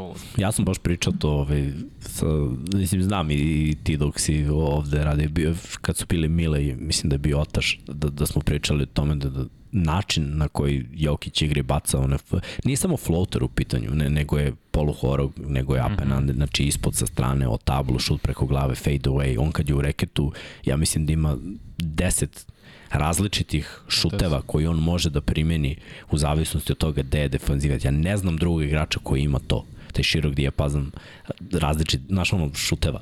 Da, kapiram, kapiram. Pa, pa, potezat, mislim, je, de Tako je, potezi. znači i da sebe dovede u dobru poziciju i na, poslednji, znači taj moment izbača iz kog ugla sa, sa kojim felšom mm -hmm. gde ide i to sve tako sigurno nekako ide u koš. Uh, dobro je što su se na kraju probudili malo defanzivno, imaju oni neke dobre igrače koje mogu da pomognu uh, Jokiću. Mislim da Caldwell Pope, Bruce Pa ka- Brown, da. da. na primer, mislim, ima ih. KCP radi posao, mislim da Jeff Green radi ozbiljan posao, da on može Aaron tu da Gordon bude va, važan igrač, tako je kao i Gordon i da, na kraju će se sve svesti na taj šut, znaš, da li će pogađati šuteve ili ne. Imaju dobre šutere. Svešći se na Mareju. Mislim, koliko god Jokić je, i videli smo prošle godine kad su ovi bili povređeni, timovi njega u play-offu, mislim, moramo se razumemo, mnogo drugačije odbran play-offu. No. Ti imaš četiri meča, timovi su maksimalno fokusirani na jedan tim. Nema idem u Chicago, pa se vraćam kući, pa LA ili gde god. Znači, drugačije je u play-offu i u poslednje vreme, u poslednjih par godina u play-offu Jokić je provale. Jer prvo on nije dovoljno agresivan, makar za, u regularnom delu sezone. Trebao mnogo više da šutira po meni. Dobro, imao je utakmice, neke Ne, utakmice je. koje sam gledao, Imao ovaj, imao je on- da, da je krenuo, krenulo je to, znaš, sad mislim da je veći pritisak i da sad već shvatio da u nekim situacijama je bolje njegov, ono, taj težak šut nego Mare težak šut, jer Mare često donosi, mislim mi ovde smo naviknuti na jedan stil košarke i nama NBA ne pije vodu, iskreno. Jer smo se mi navikli da, da većina, da bi trebalo ako je dva ako dva igrača ispred tebe nije bolje step back i trojka ili, ili bilo neki težak šut fade away van balansa mm -hmm. šut nego ono pas ne, da se napravi višak dodaš i trčiš otvaraš se dalje gledao sam mnoge utakmice da Mare on daje koševe neki ali onda šutne tako glupu stvar da da meni dođe da razbijem televizor razumeš Mi se jedini znam i Luka isto pričao to da išli... Nije jedini i ima ih dosta koji, koji, koji to rade. I gledaj, ti možeš da živiš i da umiraš od toga, ako je to glavni igrač ekipe, ali on nije glavni igrač ekipe. I trebalo Nije. bi u ovom play-offu nekako sve da dođe na svoje mesto. Šta, šta je dobro za njih? Ako pobede Lakers u play-inu. A ne, možda Znaš- ne budu igrati protiv Lakersa. Ne, ne, mislim Lakers Aha, ja verujem aha, da aha. idu na, na broj 7. A, ali ako se ne desi, ako da, čudanje zapada i svašta može da se desi, ali i postoje ekipe koje njima, koje njima ne leže. Pa ne, ako bi igrali protiv Lakersa, to bi ozbiljan problem. To bi, bi, to bi bila ozbiljna serija. Ozbiljna i serija i problem, jer stvarno Denver, ka, meni zavisi više od Mare i njegove igre i od igre Portera da li će pogađati. Jer ja mislim da će Jokić dobiti, imati svoje svoj, od, radit će on svoju statistiku po napu, daće 25 i zapravo će dati u play-offu više 27, 8, 9 poena, zavisi će od drugih da ga isprate. To će ključ biti za Denver, jer Zapad nema izrazitog favorita, nije Denver favorit.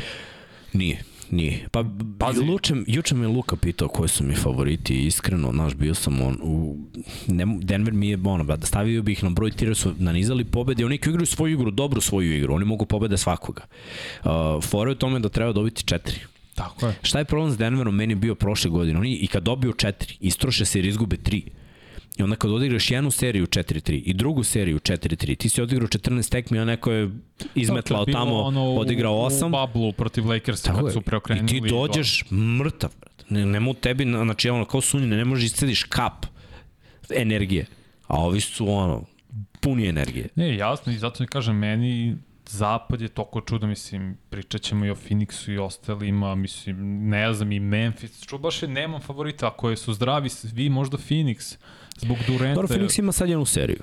To, to, zato sam ih stavio na prvo mesto, ovaj, jer treba poštovati njihov skor, oni se nalaze na četvrtom mestu, ali Durant je došao na pola sezoni i povredio se i nije igrao sve tekme, ali s njim kad igraju, 8-0. 8-0, bravo, baš tako. Pritom imaju dva igrača koje rešavaju i jedan igrač koji može da reši, ali voli da doda više nego da reši. I imaju respektabilnog centra. Pa da. Tako je, Pa Ajde, doćemo do njih, doćemo do njih. Da kažemo Denver je broj 1 i čekat će ras, ovaj, ishod play-ina. Koga bi ti teo za Denver? Ko bi im najviše odgovarao? Pa iskreno,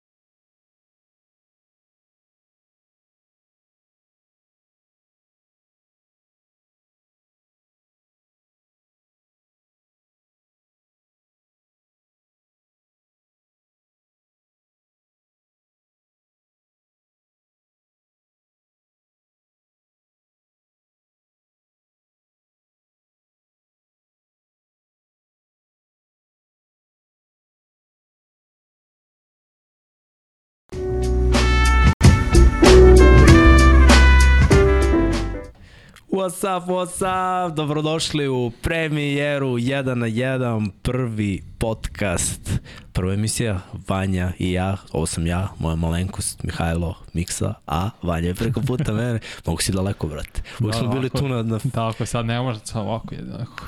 Se dogodi. leteći, leteći high five.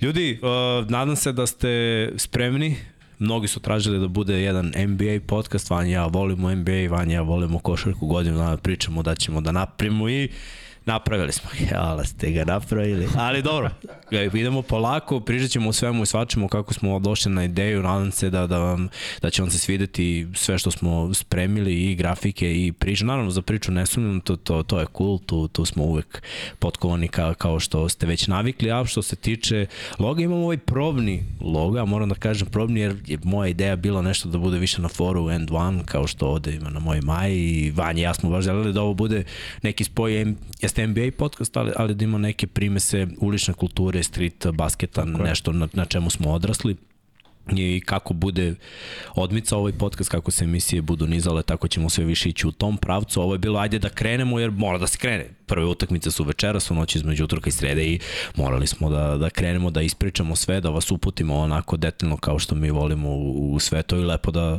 malo razmenimo neka mišljenja. Amanja. Slažem se, slažem se, iskreno uzbuđen sam. Spreman sam da krenemo kao što su ovi timovi večeras. Ne znam koliko su Timberwolves spremni da igraju, ali mislim da Lakers jesu, jesu ali što se tiče logotipa, ako možeš Srki, samo da vidiš dizajn kakav je išao i veliki pozdrav za Aleksandra Živkovića koji je bukvalno ovo uradio za dva dana. Znači za vikend sam ga iscimo i napravio je Logotip i meni se sviđa, mislim zanimljivo kako je on dakle on stvorio ideju zapravo kako sve to izgleda i ovo je cool slika da objasnimo zapravo značenje logotipa u suštini. Da, da kažemo znači da je tu fokus da bude lopta, da sedimo jedan preko puta drugog, da je ovo kao jedan na jedan, pričamo kao i uvek, kulturno, lepo, uh, sa argumentima. Argument. Da, nismo jedan protiv drugog nužno, ali Vanja ja uvek imamo svoje mišljenja od kojih ne ostupamo i ono što je uvek dobro zato što poštujemo mišljenja ovog drugog i nekako mi deluje da je sve to super, ali ovaj moment na kraju me ne kupio, znaš, kao gledalac. Da, Gledalac je dobio svoj smajl, jer gleda ovo i uživa, pa ljudi ako uživate, ako uživate u ovome što, što gledate i slušate, jedan like, ako se niste subscribe-ovali na Infinity Lighthouse, jedan subscribe, a, takođe posetite naš shop, pogledajte šta sve imamo, trenutno nije mnogo stvari za košarku, ali mislim to je vanjen i korak. moj sport, tako da radimo na tome i, i bit će to korak po korak, bukvalno. A, kako vam se sviđa logo, kako vam se sviđa špica, muzika i špice je uh, jedna moja stvar, stara stvar iz E, ta stvar 2006. kida, iskreno, ta stvar baš kida. Da. Kad sam im postao prvi put rekao. Da, do, Nice. dobro je, baš je, baš je old school, Jeste, onako, i, ide. Pozdrav za Dragana Stupara, ako slučajno ovo gleda, to je moj sensei, čovjek koji me naučio sve u muzici i ovo je i njegovih uh, ruku delo. Uh, tako da, ajde, ajde da ovaj, krenemo od Možda. pitanja da li vam se sviđa logo, da li vam se sviđa špica i da li vam se sviđa termin, šta mislite u kom terminu bi trebalo da idemo. Ja mislim da može da bude dosta ljudi u live ako radimo ovako. Pa da, mislim da će biti razni termini sad u četvrtak recimo, mislim da ćemo raditi i uveče, da ranije uveče ili kasnije, to ćemo još da vidimo, tako da biće razni termini, trudit ćemo se da budemo što više puta nedeljno, sad dok je prva, druga runda play-off, jer tad ima najviše utakmice, posle gledat ćemo ono dva, tri puta nedeljno i razni termini, uglavnom možda čak utorak 6, ne znam, četvrtak uveče, pričali smo o suboti, isto to možemo kad god možemo pet ujutro radimo. Što se mene tiče ovom posle utakmice, mislim ono, Da. otvoreno je sve, samo ove nedelje ćemo raditi dva puta, vrlo verovatno, pošto ipak je uskrs i sve to i mislim, praznici su, pa od ponedeljka, možda čak i budemo radili ponedeljak, jer tad bi već krenuo klasičan play-off u NBA-u i sve da pokrijemo pa onda, mislim, orijentacija će biti kako budu bile utakmice, kako budu išle runde u suštini, ali smanjit ćemo broj epizoda kako se završava playoff. I posebno zahvalnost Admiral Betu koja je od prve epizode su tu, Tako da vidjet ćemo koliko će da traje ova saradnja, ali super je, drago mi što su videli da je ovo nešto dobro, nešto cool i zadovoljni sam sad. Da, respekt za, za podršku od Jest, samog jest. starta. Uh, ajde da se malo bacimo odmah na četvrtak i na tu najavu za sve ljude koji žele da gledaju ovu live da kažemo četvrtak je jedan prometan dan ovde u studiju na kraju mm -hmm. univerzuma kreće se od uh, 12 ujutru kada Paja već uh, snima svoj podcast pod kapicom nakon toga će Srđan snimati Lab 76 uh, ove tehnikalije koje snima u posljednje vreme i onda je plan da mi krenemo u četvrtak u 8. To, to sam za sada stavio kao plan. Mm -hmm. Vidjet ćemo koliko ćemo danas potrebiti. Dobro, danas imamo i ovaj neki uvod, ali mislim da s obzirom da još uvek se ne igra mnogo utakmica, da je fokus uh, samo na play-inu, znači danas ćemo se fokusirati na tabelu koja je Tako kako je. prošao. Nećemo mnogo ulaziti u analizu određenih uh, match-upova s obzirom da nema potrebe jer imamo dovoljno prostora za to. Sad je fokus play-in i šta se desilo. Pričat ćemo malo ovim ekipama koje su eliminisane. Eto, za taj prvi put da, da skinemo to uh, sred, uh, sa plana, da Mhm, kažemo da, da je kada. to gotovo i posle toga se posvećamo samo ekipama koji su u play-offu i onda analiziramo matchup, analiziramo igrače, učinke i kako utakmice budu uh, prolazile, onda ćemo analizirati i mečeve koje gledamo. Hvala svima, vidim da vas ima tu, uh, trenutno 100 lajkova, već 150 ljudi u live-u. Lepo, carski, lepo, to je to odličan, odličan, odličan procenat ljudi, hvala na, na podršci. I ajde da, ajde da krenemo odmah uh, od uh, tabele istoka i zapada. Mislim da, da trebalo Može, bi tako može, da počnemo. može. Šta kažeš? Može, možda krenemo odakle, hoćeš istok onda prvo, dakle, Može. da zaletimo. Može. Bliže nam je ipak istočna obala. Ajde, 6 sati razlike. 6 sati razlike i mislim, Milwaukee na kraju prvi, ima 58 pobjeda i uopšte nije iznenađujuće. Jeste da je Milton propustio više od pola sezone, mislim da je odigrao svega 30 mečeva, ali Milwaukee ima tako dobru hemiju i stvarno su napravili šampionski tim. Inako mi je delo, ne znam za, za tebe sada, da su onako u određenim momentima ispu, ispuštali gas, a u poslednjih dva meseca imaju najbolji skor od 1. februara. Da. Pa dobro, imaju najviše pobjeda u NBA-u, ajde, Tako ajde je. to da kažemo. Mm Mhm. -hmm. Takođe, moramo da uzmemo obzir da su oni godinama u samom vrhu ili su prvi ili drugi na istoku. Tako je. Pritom su konstantno u završnici play-off. Ovo je jedan ozbiljan tim, tim koji ne menja svoj kostor nosioci igre. To je vrlo važno. I rekao bih da su oni meni broj jedan favorit za osvajanje, generalno. Prvo, ajde da krenemo ovako. Pogledam i ofanzivno i defanzivno sve ekipe. Da li vidiš ekipu koja ima bolji spoj a, sa obe strane terena. Znači i ofanzivno i defanzivno ekipa koja koju god petorku da stavi, kako god oni da, da iskombinuju, to je jedna dobra defanzivna petorka koja može da da u svakom trenutku preko 120 poena. Pa kad su zdravi, da. Kad su zdravi, mislim da ne bih stavio prve, stavio bih top 3, jer u veliki znak pitanja Middleton. Prošle godine u play-offu su ispali pre svega da što on bio povrođen protiv Bostona i nije mogao da igra. Istina. Tako da, ali stavio bi Boston kao možda i bolji malo. Jako Boston je, nadovezat ćemo se drugi na istoku, ali kombinacija Browna i Tatuma, to je neverovatno. Obojica, Brown je imao 26 pojena po meču, Tatum 31. igrač Celticsa ikada da beleži 30 pojena u jednoj sezoni, što je suludo po kakvi su igrači imali. Ali kombinacija njih, naravno, Marcus Smart, Al Horford, onda Griffin ima sklu, i ulazi iz klupe, ima Derek White, znači imaju više igrača koji su stvarno igraju sjajni plus Boston, ima više uspeha od Milwaukee u poslednjih 5-6 godina. Igrao su četiri puta finale konferencije. I ovo je No, njihov ali koliko core. puta veliko finale?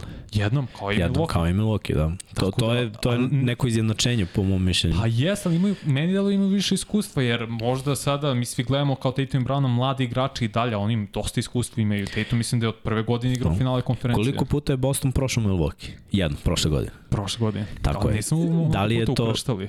Miami Da, da, da. često ili jedne ili drugi izbacio, mislim, što se Da. dešavalo prethodnih par godina. Da li ti deluje ove godine da su ovo dve najkompletnije ekipe? Do, ajde, da, se, da ostanemo na istoku. Da, da, Dve da. najkompletnije ekipe Meni na da. istoku. Meni Sa da. tankom, tankom, tankom granicom. Inače, uh, Middleton koga si pomenuo da je bio povređen se vratio, nije u, u full formi, nije, Nije nije još. 100% Ne, ne. spreman, ali vratio se i to definitivno znači. A jedan od posljednjih mečeva koji su igrali međusobno je baš bio sramotan za Milwaukee s obzirom da je bilo 140 100 140, 99. 99, 47. da, da. Mislim, rukom srce Milwaukee, ok, imao je pet utakmicu 7 dana u tom periodu i opet nije opravdanje izgubiš 40 razlike, baš. Da. To je baš sramotno, ali kao Milton ono, ulazi u formu, beleži 15 pojena. Holiday ove godine baš kide, beleži skoro 20 pojena, 8 asistenciji, neverovatno je Brook Lopez koji čovek koji ima 2-13, nikad u karijeri nije imao 9 skokova u proseku za jednu sezonu.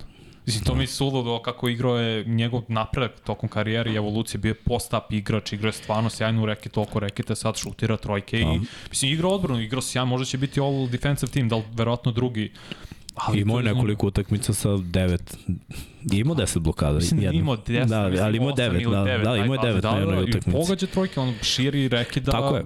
Pa nema poente. Da nema poente kad imaš čoveka koji se zaleće onom brzinom i, i pravi ukršteni korak s trojke da, da ti budeš u reketu i da smetaš, dolačiš svog čoveka, praviš gužvu, ovako ćoškari. To je, znaš šta, Jeste. sva, svaka pobednička ekipa mora da ima jednog koji ćoškari.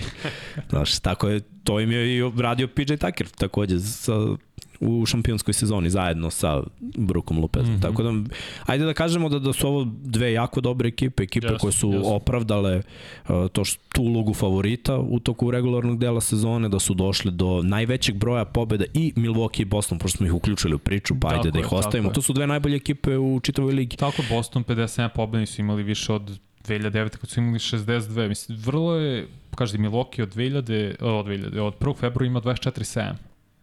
Mislim, stvarno igraju neverovatno i to februar su imali 10-0, izgubili su 7 u martu i aprilu, sad kad, shvat, kada sklopimo to, ali pričat ćemo više o njima ono kad vidi, mislim ne znam ni s kim ukrštaju. To je Da, to ćemo stvar. da, da, to, to ćemo ostaviti za kasnije. Ajde da pričamo malo o Fili. Fila sa pozicije broj 3 na istoku ima bolje skor nego najbolja ekipa na zapadu. Tako je. 54 pobede, 28 poraza, pritom su i oni malo odmarali, Embiid nije igrao više od 14 utakmica. Bid propustio 16, ali mislim to je Da. za njega top.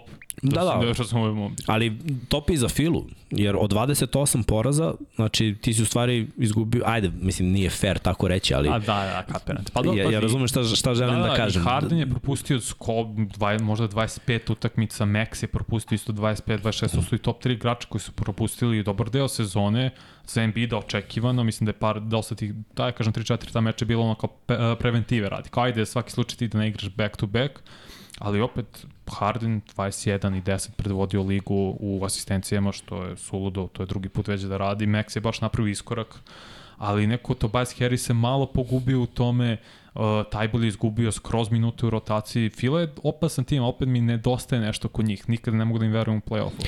Da, to je u stvari mana. Mada dobro, bilo to nesrećnih ispadanja od Opet Toronto u šut ka- posljednjoj sekundi. Baš smo. Luka i ja pričali jer smo radili tu utakmicu koja je to bio šok.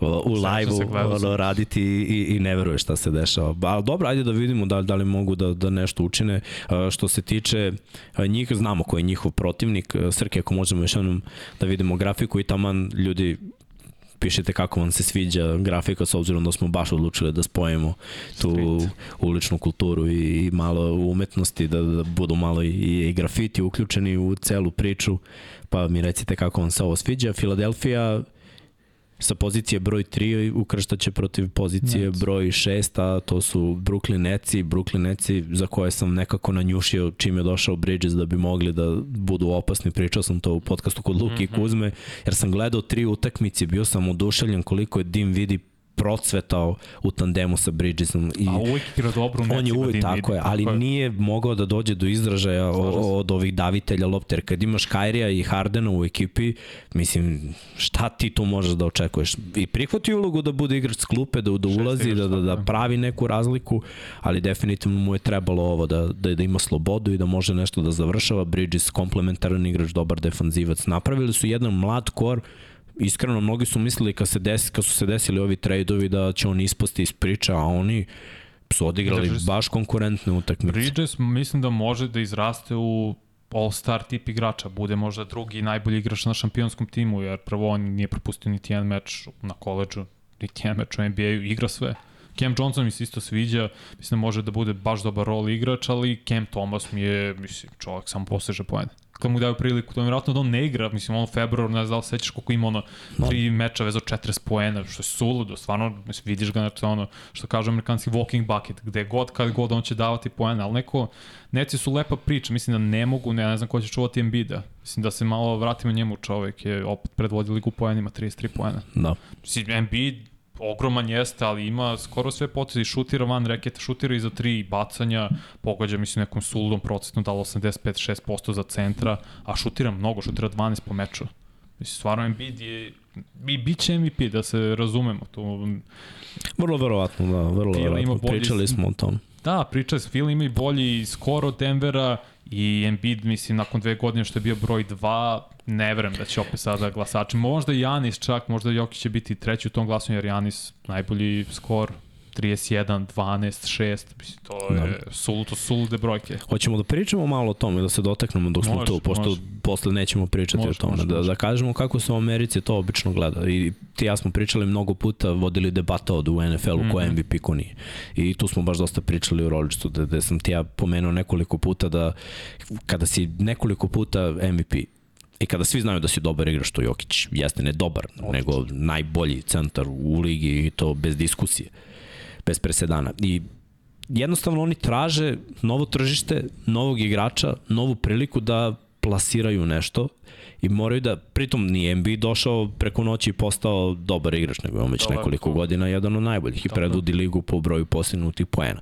Uh, izbori za All Star, izbori za Pro Bowl, izbori za All Pro timove, First NBA timove i tako dalje ipak moramo da, da, da konstatujemo da tu nije uvek sve puka statistike kako nama to izgleda na oko čija je igra tebi lepša individualno. To mislim da nije bitno i svako se vodi uh, nekom svojom politikom, nekim svojim Tako sudom, svako od nas vidi stvari na drugi način i iskreno ulaziti u takve neke debate i pričati o tome ne mora da znači da je meni lepo što je tebi lepo. Ja mogu da poštujem tvoje mišljenje i, ili zašto ti misliš da je ovo ovako, ja mogu da mislim drugačije i, i nema potrebe ulaziti u neke debate jeste, nije, jeste, nije. Naravno da je nama malo Jokić i prirastao srcu zato što Da, naš. je odavde, ali iskreno meni se više sviđa kako on uključuje ekipu, kako je ekipa sa, napravljena oko njega, kako on čini drugi igrače boljim, dok je Embiid lik koji će da reši 1-1. Znači, ti znaš da u, ako je frka, izolacija i Embiid završava njihove napade. Ove godine je završavao prilično dobro. I time i što je bio finalista u prehodne dve sezone je zaslužio da bude u samom vrhu i da možda i dobije taj MVP. Jer, gledaj, MVP kao priznanje meni lično, dobro, ja sam malo poseban lik, ni, ništa ne znači. Ja bih više voleo da nek bude MVP Final. Embiid, a nek Jokić bude MVP finala i nek uzme prst. Dobro, pazi, titule više vrede svako od MVP nagrade, ali opet kad gledamo, meni su malo bliži njih dvojica u rankingu, ne, nije mi Jokić čisto najbolji centar, mislim da jeste i dalje najbolje, da je bit tu tik odme iza njega, da stvarno njih dvojica, pa 3, 4, 5, 6, koliko hoćete stepenika su drugi, drugi uh, centari, a opet Embiid, kad pogledaš, on i Harden, recimo pick and roll kako igraju, to je najbolji pick and roll igra u NBA-u. Harden je opasan pick and roll igrač. Mislim, gledaj, njegov pick and roll je bio to. doveden do savršenstva sa Jeste. Clintom Capellom, koji ne radi pick and pop, je tako? Tako je. Znači, on samo radi pick and roll. A Tako kad je. govorimo o piku, vrlo je važno kada centar može da napravi blok i da izađe Tako napolje na tri, naročito ako uzmemo u obzir da centar koji ga čuva mora da obrati pažnju na Hardena koji je jak, koji zna da uvali rame, zna Vratio je telo uglove. svoj fizički ili Tako kao što je. je bio, nije približano Houstonu, polako vraća telo na neki nivo koji smo navikli. Ajde da pričamo ovako, mislim, ja, su, ja sam udušen njegovom pick and roll igrom. Njegov njegova opcija floater ili lob je neodbranjivo. Kako braniš to? Kako braniš kad on prođe ima opciju floater ili lob? Znači igraš ti je pozadi, ti, ti mora da biraš da li izlaziš na floater ili ostaješ na lobu, ali Harden rekao kada maši te svoje floatere.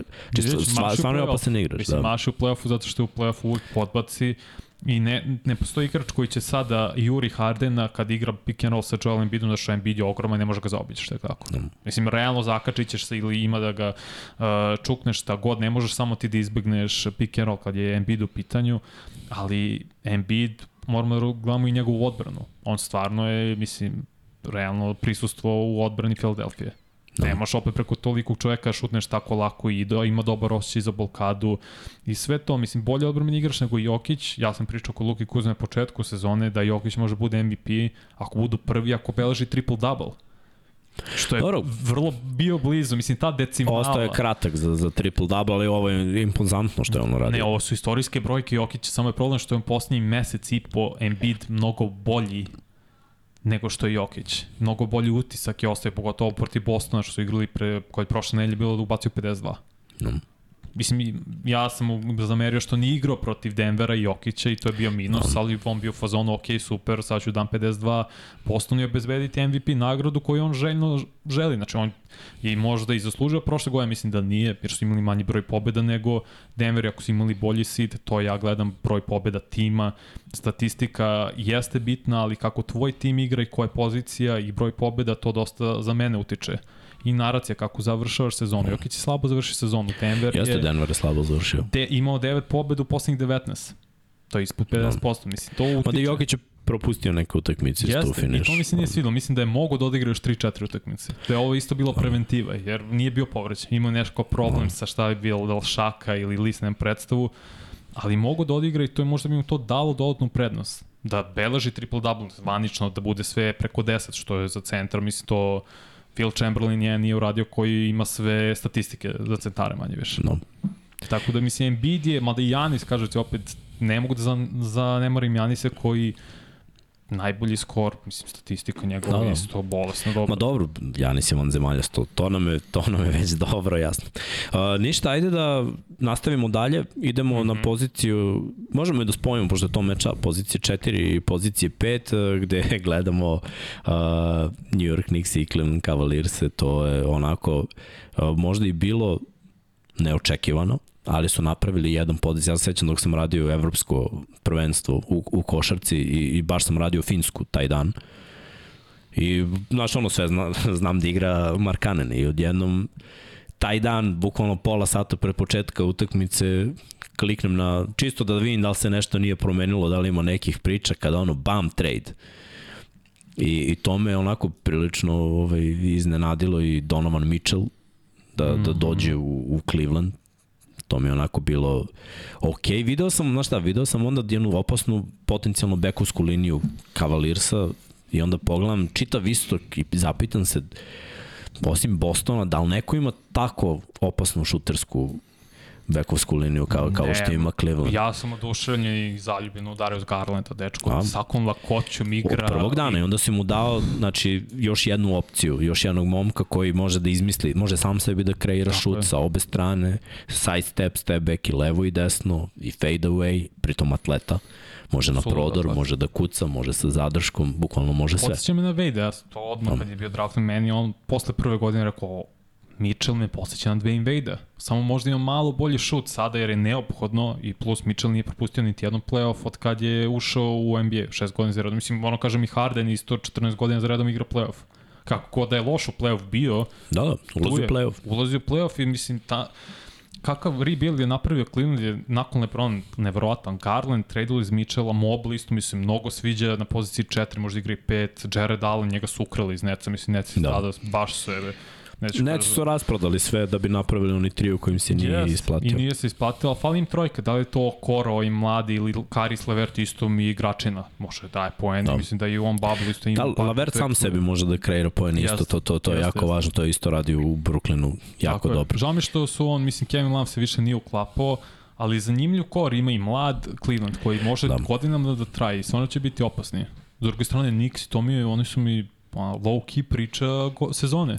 Ali i oni su pogodili sa dovođenjem igrača. Znači, E, nisam očekivao Bransona, iskreno. Kako nisi? Kako nisi vidio prošle godine ka- kada, kada je... su momenti. Ali on je sam kreirao to. Jesu Jest, momenti. jest. Bilo je mnogo igrača koji su napravili splash, naročito nižih, naročito nižih Ok. igrača kao što je uh, Isaiah Thomas imao svoju sezonu u Bostonu gde je sam kreirao, gde je pravio da, da ih je vodio, ali Bronson je rešavao prošle godine kad je bio igrač s loptom i kad je bio igrač koji odlazi od lopte koji se otvara iz kretnji i nekako je sve imalo smisla i opet Nixima je falio bek tako mi je play. delovalo Play, baš I, play i, falio. i mislim da su dobili pravu stvari ovo što su Cavaliersi i Nixi na, na poziciji 4-5 za mene pravo oduševljenje i nekako se nadam da će ta ja mislim da će ovo biti najneizvesnija serija zapravo na istoku šta god da se desi kogod da uđe da prođe play-in i da uđe u pa, play-off na kraju Evo sad gledam Branson, 24 poena, 6 asistencija.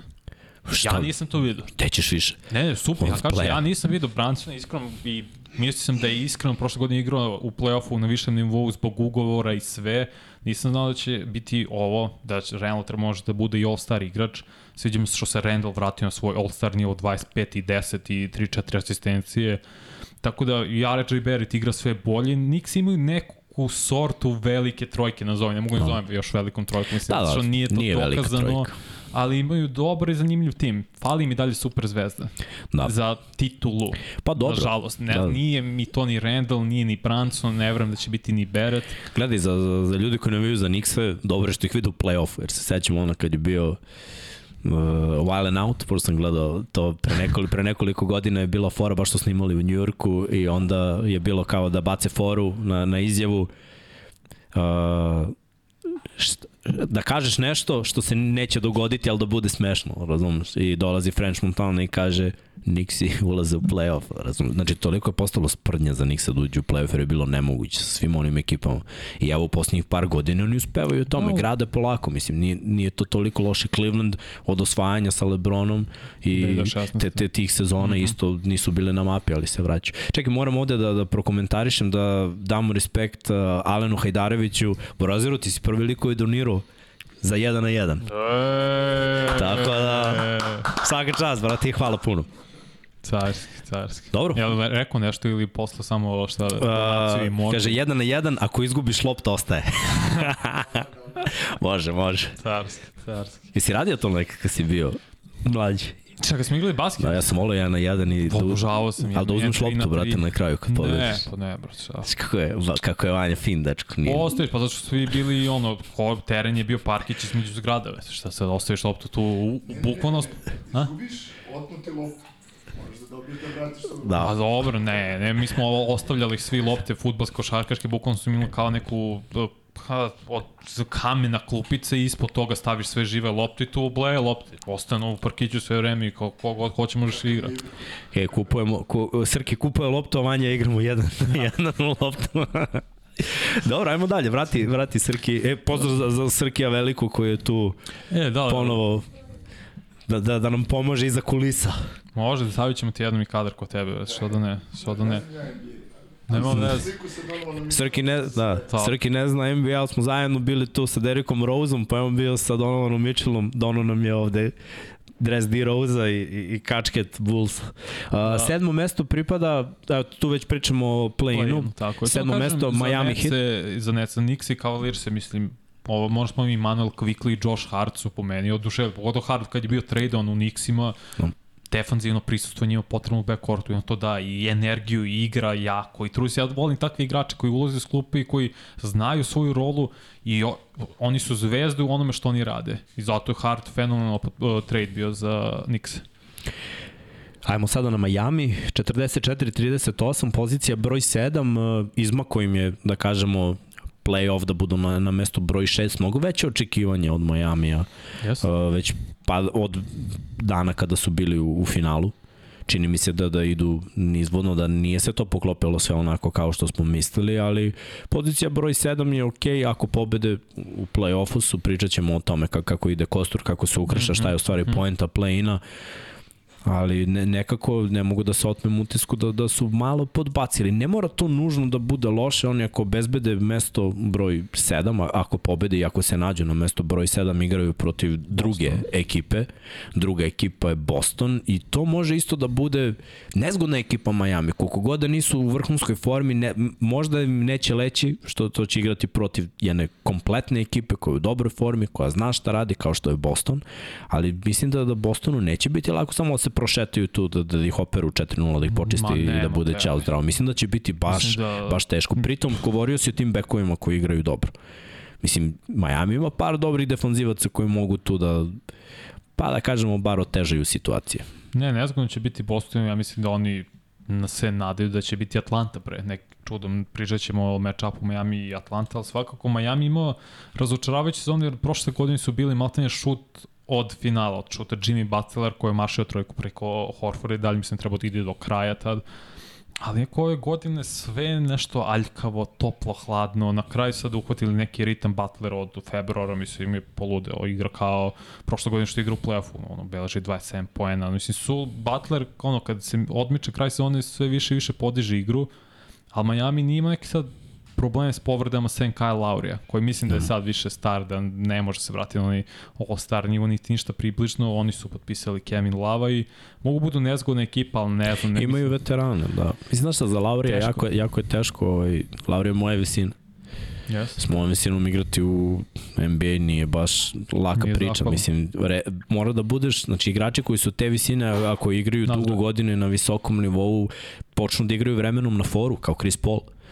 Naš Iverson nije znao da krene da igra na foru, on je znao samo da koristi svoj atleticizam i u onom momentu kad ga je atleticizam izdao, tad je prestao da igra na, na visokom nivou. Chris Paul igra već neko vreme, a Lauri čini mi se da, da i on krenuo onako da, da pada i da mora da pronađe neke fore ako želi da ostane da u onoj fore. te neke fore, iskreno. Mislim kao, da kao iskusan on... igraš, ti, mislim, imaš te fore. Pa ne znam, sa, samo... ni, ni kvalitet kao što su ni Chris Paul, ni Iverson koji nije znao to. Neko mi je on je Lauri imao svoj pik u Torontu dok su osvajali godine pre toga, ali mi nekako nije to to više ostario, nije ono, mislim, sad je realno hero u treći najbolji igrač i on je beležio 20 pojena, Adebayo isto beležio 20 pojena i Miami neko se u čudnoj fazi nalazi. Mogu da iznede Boston, mislim, mogu i Milwaukee da iznede jer su obe tima i dobijali prethodnih godina u play-offu, ali mnogo teže sad. Baš, baš, baš, baš mnogo teže. Uh, Srki, Je možemo da vidimo onda tu playoff sliku, taj playoff kostur, pa mm -hmm. kad smo već došli do ovog play-ina, do četiri ekipe, mi smo i podelili ovu grafiku na prvih šest ekipa, pa na četiri koji igraju play-in i onda ove momke i timove koji se neće ovaj mnogo veseliti dok traje off season. Evo kad smo tu kod uh, play-ina, uh, vidite sa ove istočne strane koje uh, s desne strane ekrana da će prve mečeve igrati Miami i Atlanta. Atlanta koja je e, završila na poziciji broj 8, eto možemo malo da pričamo i o njima i da malo dotaknemo taj meč koji, koji se igra večeras u noći između utorka i sreda. Mislim da je pola 2, a zapadna obala u 4. Uh, što se tiče drugu, druge utakmice na istoku, što se tiče play-ina, Toronto je na poziciji broj 9 i onako veliki podbačaj Čikaga, očekivali smo više, ajde i tu je bilo povreda. Ali i... nije toliko, znaš, gledao sam baš i nisu propuštali mnogo utakmica, mislim da je bilo možda desetak maksimalno, i Lovin, i uh, DeRozan, Vučević igrao sve mečeve, da. mislim ko ovaj... Znaš šta, meni, možda ti, ajde, reci mi šta ti misliš o ovome? O Chicago? O, o, o Lonzu, koji, Lonzo... koji, koji ima nešto, neku energiju, radi defanzivno jako dobar posao kao, Trejera kao play. Znaš, treba im i on. Nije dovoljno da, da imaš ovu trojku. Bar mi da, tako deluje. Deluje mi da, da je Chicago taj. potrebno, da, da oni nisu tim koji može da igra s trojicom, nego su oni tim koji, kojem treba petorica. Kapiram, znaš, mislim, Kobe Kao i Toronto. Ti nije, ovaj, Toronto, Toronto kad je osvojio, se sećaš? Znači, ali ima super zvezdu. Ima, ima jednu, su, tako ima jednu super zvezdu, ali Imao je okolo igrače koji, koji su, kad Kavaju ne ide, znali da odrade posao. Znači, i, Sijakam, i, Sijakam, i Van Vliet, i Lauri. Tako, Uvijek i si imao na terenu 4-5 igrača. Mislim da je to potrebno i Chicago. I sad, match-up upravo ove dve ekipe, da Toronto nema više tu ekipu koju je imao nekad, ali meni na papiru Chicago je bolja ekipa. I iskreno, ma, malo i gajim simpatije, bez obzira što imam neku La Familiju tamo u Toronto, od koje dobijem stalno. O, evo, i tu, tu su neke stvari Toronto Raptorsa da, Četvrtki. ovaj, ali, ali deluje mi, deluje mi da je Chicago bolja ekipa i da ako prođu dalje, ako prođu tu prvu prvo kolo tog uh, play-ina, mm -hmm. da bi oni mogli da naprave veću štetu. Mogu sigurno, jer kaže se Chicago, nisu ni čak ni podba, podbacili njihovi najbolji igrači. To je mnogo čudna situacija bila u Chicago i da li je to do, do trenera, mislim da je uh, bili Donovan trener i dalje, možda on treba da se menja, možda je do njega, jer imaš dobar tim sklopljen i Patrick Williams polako igra sve bolje i bolje, mislim, beleži 10 pojene, on odbrbeni igrač, Kobe White pospomenuli, ovaj Ajo do sumno mi se mnogo sviđal, ta dva playmakera nisu Lonzo. I Lonzo ima neki ozbiljan problem s kolenom, da li je aritmično koleno, ne još znam jedna, šta je. Još jedna operacija, još jedna godina. Mislim, gledaj, Cela. nije on star i medicina kod njih je ovaj, Nije, sve jače i 26, jače, ali Koliko, 25-26 godina? Lonzo. nisam, nisam siguran, ali sad ću, Aj pogledaj. sad ću, sad ću Mislim, pogledam. sve svemu, možda je promena i sredine, možda treba da se traduje, nemam pojma, DeRozan za uh, Damian Lillard ili nešto da pro, možda prosto ne mogu da se uklope kao tim. Imaju dobre igrače, vidjeli smo i pre da prosto... Tvoje godište, De, 26. oktobar 97. Pa da, znači sad tek treba na point 26. Mislim, to, ne znam, mnogo čudna situacija. Ima talent, nisu propušteni, nisu bili povredni, samo nisu mogli da sklope sve kocke. Patrick Beverly im super pao. Iskreno, kad je Patrick Beverly bio tradeom kod njih, to je zapravo potpisao, oni su proigrali. Igrali su mnogo bolje i izborili play jer su pre toga bili koji 11. 12.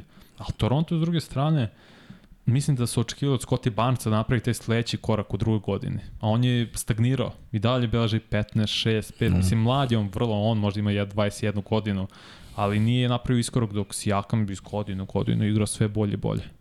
I oni Da. trebaju menjaju trener, mislim da se to priča, Nick Nurse će otići. Da, Nick Nurse ide, to, to je definitivno. Ali ajde da kažemo da, eto, to je neka play, možemo još jednom da vidimo uh, Srki tu play sliku i eto ja taman da najavim uh, te utakmice. Znači, uh, večeras u noći između utrka i srede, 1 čas 30 minuta nakon ponoći, Atlanta Hawksi igraju protiv uh, Miami Heat. Ajde malo da pričamo o Hawksima, to je tim našeg Bogdana Bogdanovića, eto tu i dres koji ti je Bogom, poklonio da, Da, da. dres Partizana, ali nema veze.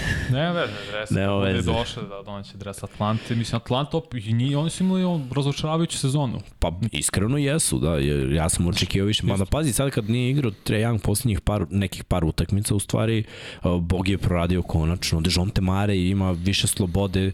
Dejonte Mare je više igrač iz tranzicije i onda je ta odbrana iz odbrane u Tako je. tranziciju bolja i nek, nekako ta tog gnjavljenja lopte, ja moram tako da kažem. Jeste. Na, naš, ono, osporavam dečka koji je all-star i koji daje 30 pojena kad hoćeš i, i svake pozicije isto sa, sa Limitiran. Visinom, je ali da. limitiran baš tom visinom, a on nema on može da ima 180. Mislim, Da, ja da, vidio sam igra protiv Majamija, vidio sam prošle godine Maja, li, Miami ga limitirao na 15 poena i 6 asistencija, a on beleži 28 i 9. Da, da. Ove godine na, na, na 26, ali 10 asistencija. Mislim, on razigrava, on beleži Jeste, statistiku, ali ekipa nekako Pati ekipa. nije poletna, da, nije poletna. Ka, Dva kada je to. trenera je oterao. Mislim, ne mogu kažem da je on nužno oterao za koliko njegove četiri godine u NBA-u, ali mislim, on je jedno od dva, on treba bude lice franšize, a dva trenera su već otišla i mislim, ne bi me čuo da Atlanta traduje Younga. Jer došli su do nekog limita. Mislim, sve pohvalje, igraju su finale konferencije kad su... Probali su da naprave priču oko njega. Mislim, dovođenjem nekih igrača, zar ne? Mislim, probali su, nije, nije prošlo. Ali ne znam šta im fali. Možda i, možda i ne treba im John Collins. Možda im treba neko, neki, kr- neko krilo kao što kao neka I misliš da je kad je- ne pojma. Misliš kada je Herter otišao da su izgubili jednu važnu opciju, mislim, ako gledamo šut za tri, Pa jesu, zato što im se klupa osula. da, To sam bi rekao od Luke Kuzme, klupa im nije na nivou kao prošle godine, mislim Bogdan je predvodnik de facto uh, tog drugog tima i treba bude ozbiljno razmišljeno za, še, za šestog igrača godine, ali fali im dubina. Atlanta se rasula, imaju dobre igrače, imaju super i all-star igrače, i Dejounte Mare i, i Trae Young, ali ne sviđa mi se da gradiš oko Trae Younga. Ne isplati se da gradiš oko playmakera generalno u NBA istoriji. Mislim, koji playmakeri su osvajali? Jedan, No. no. Magic Johnson koji ima 2.05, Da. Steph Curry koji ima Durenta, Clay Thompson, Draymond Greena i vrh tim i ceo sistem je fenomenalan koji je postavio Mark Jackson, poslu napredio Steve Kerr, a Isaiah Mhm. Thomas. Ok, Pistonci bad boys, mislim, i to No. bilo 89. 90. i znamo kako su Tony oni. Parker, pick and roll, Tim Duncan, Ali Tim Duncan je dobar najbolji sistem, igrač da. bio. Jeste, ali Tony je rešavao mnogo utakmica. Jeste, ali to je bio Tim, Da. Tim Duncan. Mislim, Iskreno, meni je u tom bio. trenutku jako je ono un underrated, meni je Tony Parker bio naš jedan od najboljih playmakera ti Bio je godina.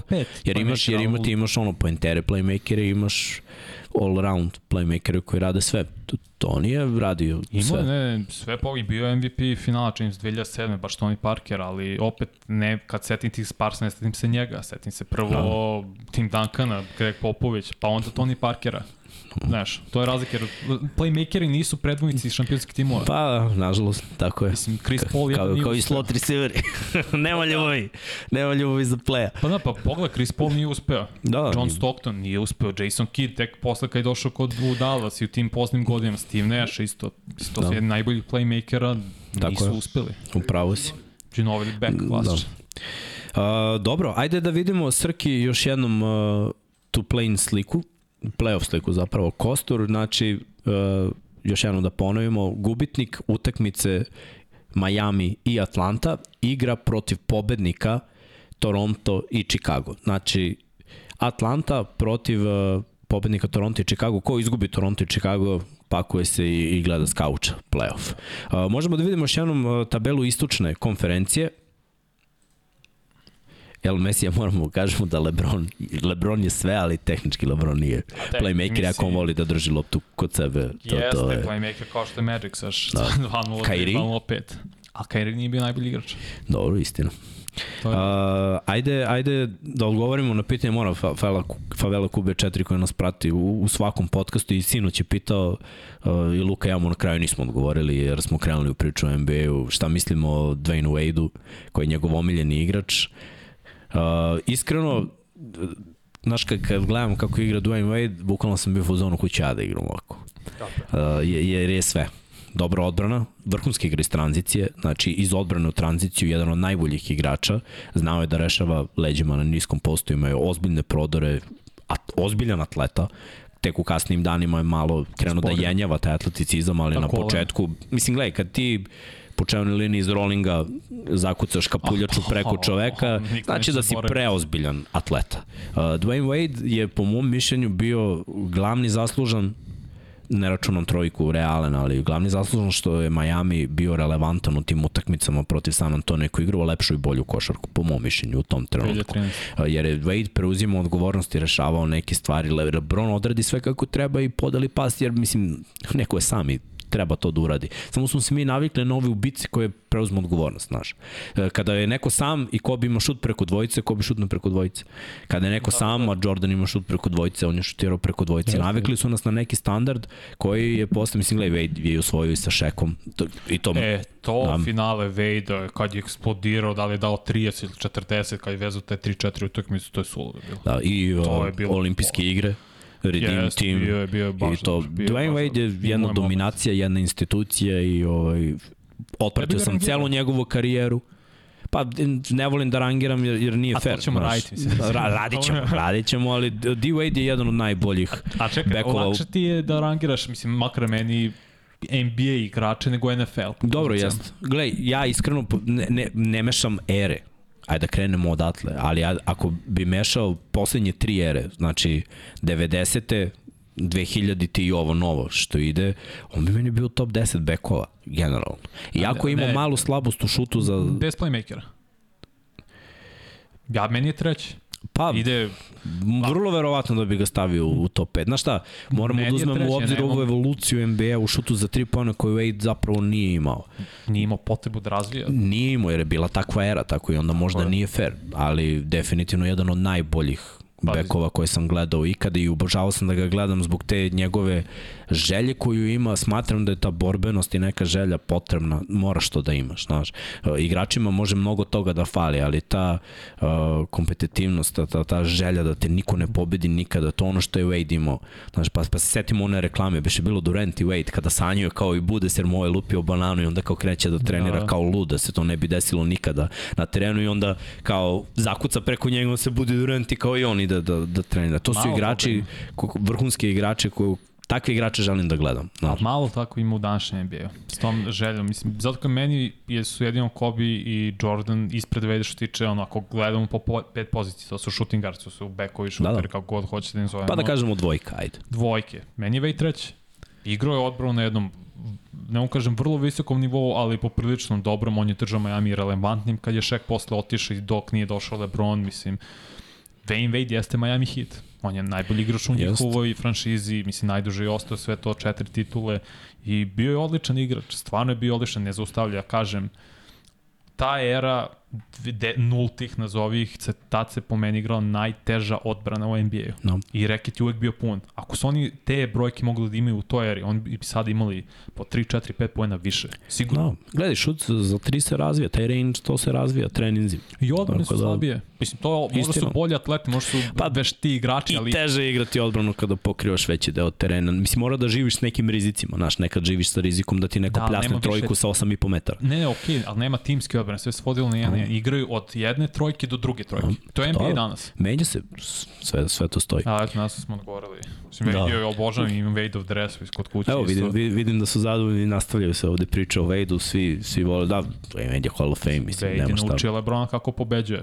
Da se razumemo. Pa jeste, mislim, Ja, ne, bila je dobra hemija, zaista. Ne, I mislim da, da se ne grešimo Lebron, nije on imao ekipu ni približno za, za prsten. nije, nije je koliko je mogao, došao je u Miami, napravio je taj potez koji je malo ono pokvario sve sa tim ujedinjenjima, ali dobro.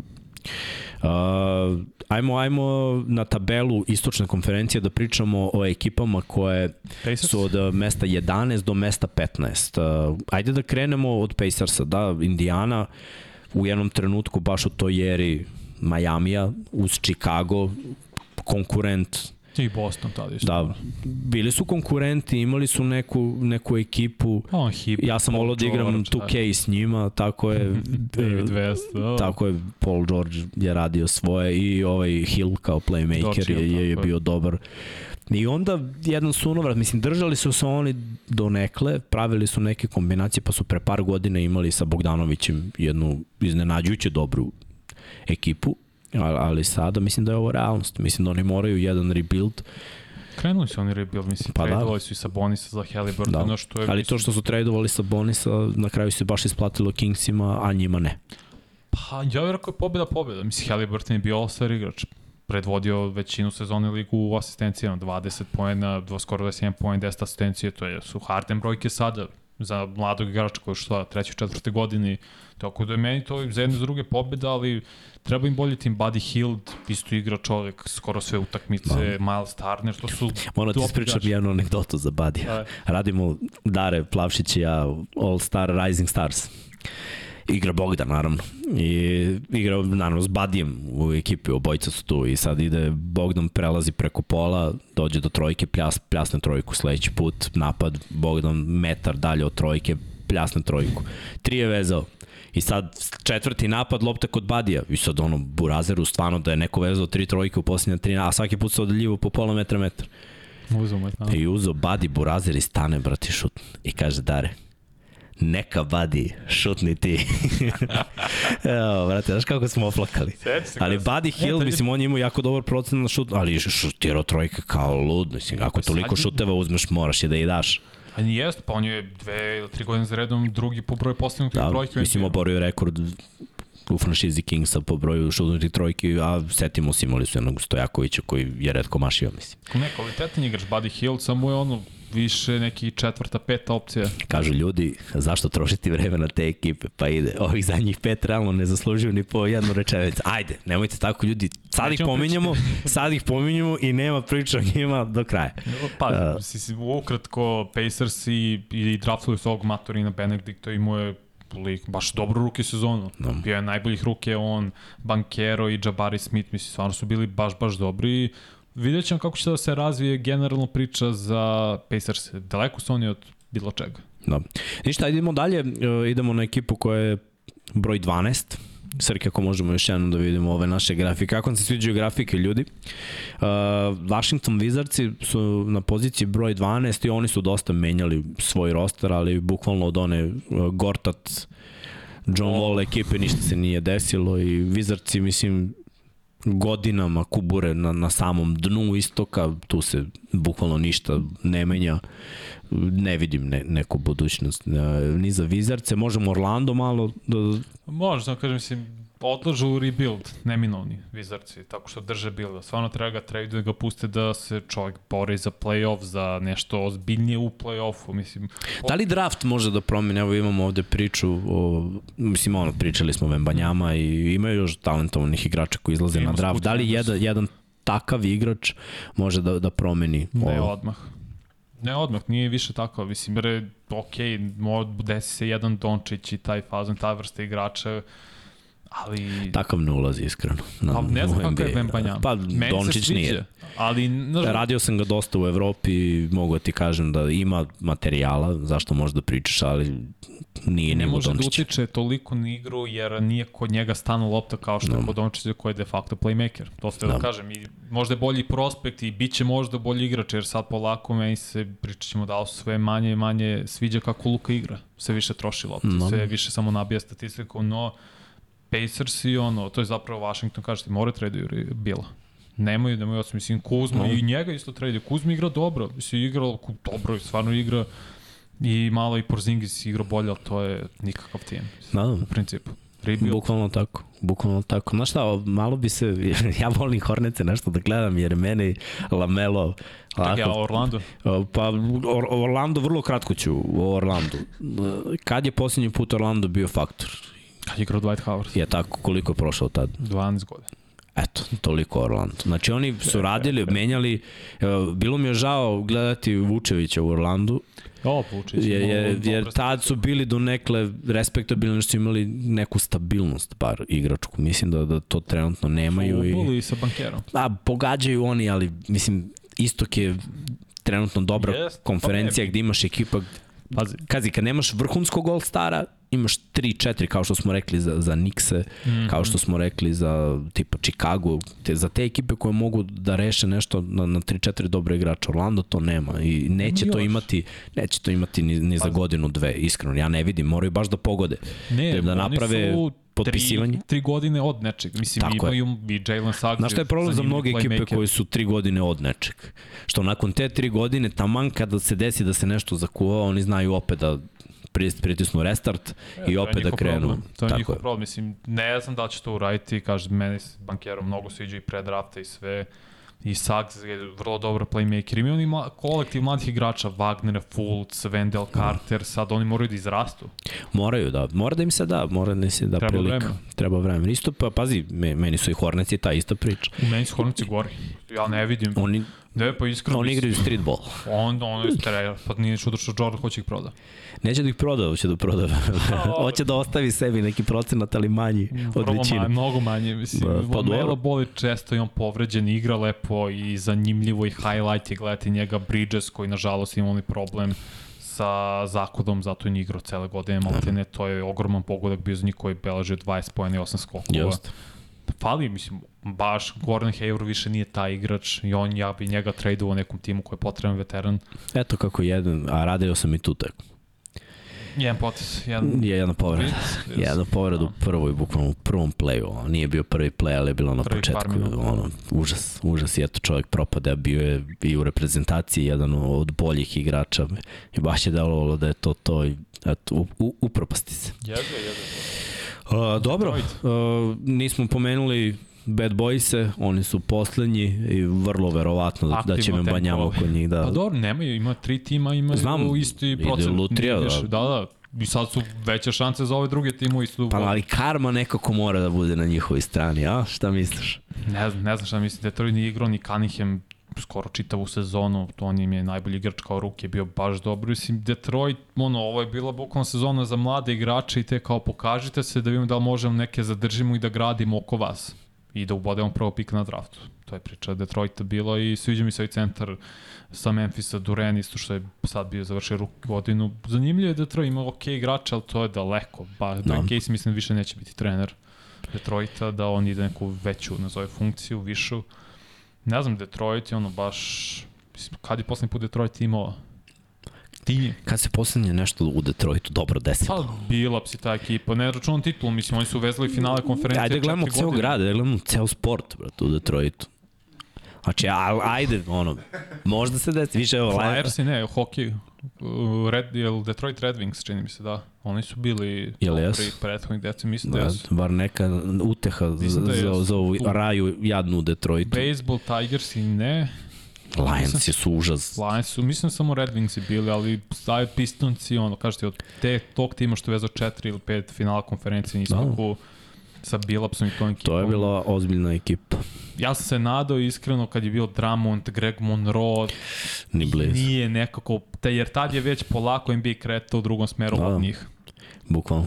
A delovalo da, da je Drummond u jednom trenutku možda i dobar centar. A, ništa, ajmo, ajmo na zapad. Da se, da se ovo preselimo Da. brzinski.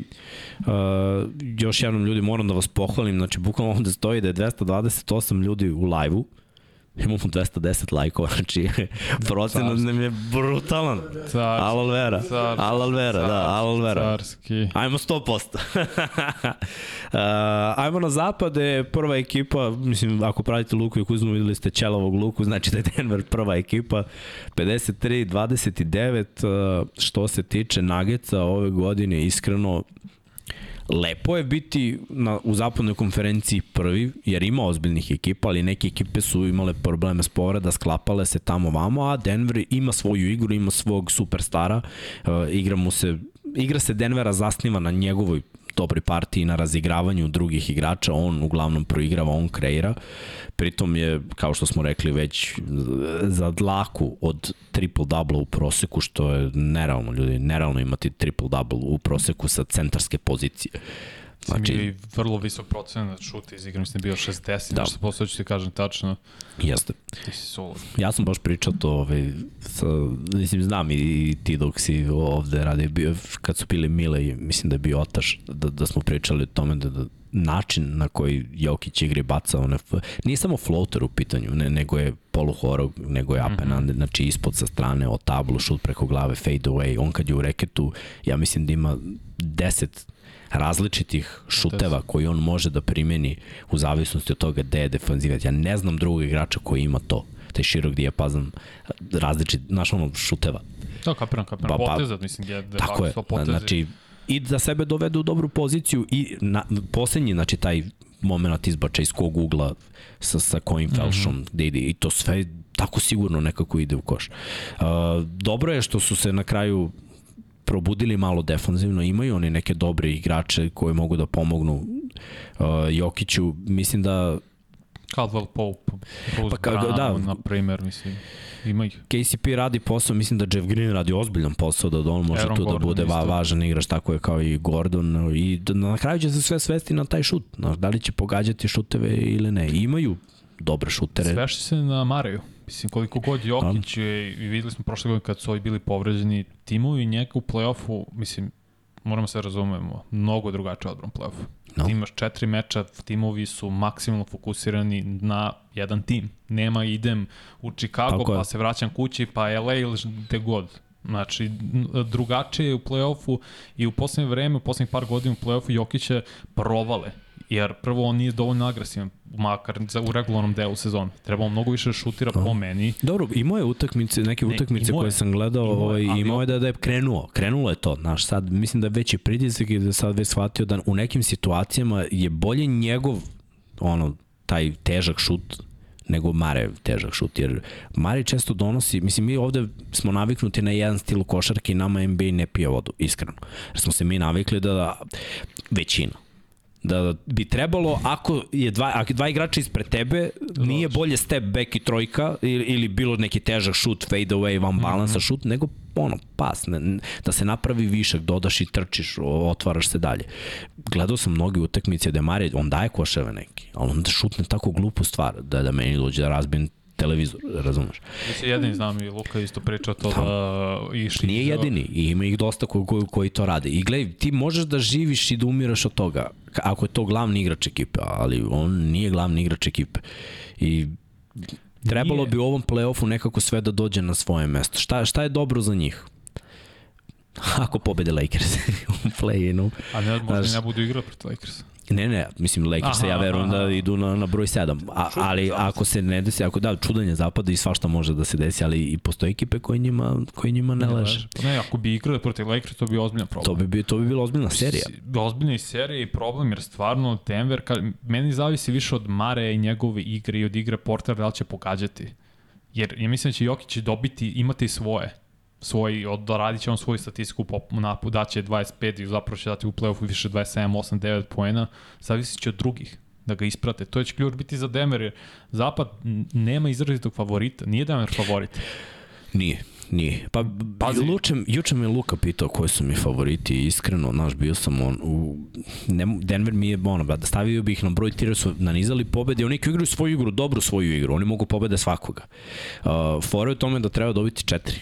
Tako je. Šta je problem s Denverom meni bio prošle godine? Oni i kad dobiju četiri, istroše se jer izgube tri. I onda kad odigraš jednu seriju 4-3 i drugu seriju 4-3, ti si odigrao 14 tekmi, a neko je izmetlao Bilo tamo, ono odigrao 8. U bablu protiv Lakersa Tako kad je. su preokrenuli. I ti dođeš mrtav, brate. Ne, nema u tebi, na- znači ono, kao sunjine, ne možeš iscediš kap energije. A ovi su ono, puni energije. Ne, jasno, i zato mi kažem, meni Zapad je toliko čudo, mislim, pričat ćemo i o Phoenixu i ostalima, mislim, ne znam, i Memphis, ču baš je, nemam favorita, ako je su zdravi svi, možda Phoenix, zbog Durenta. Dobro, Phoenix ima sad jednu seriju. To, to, zato sam ih stavio na prvo mesto, ovaj, jer treba poštovati njihov skor, oni se nalaze na četvrtom mestu, ali Durant je došao na pola sezoni i povredio se i nije igrao sve tekme, ali s njim kad igraju, 8-0. 8-0, bravo, baš tako. Pritom imaju dva igrača koje rešavaju i jedan igrač koji može da reši, ali voli da doda više nego da reši.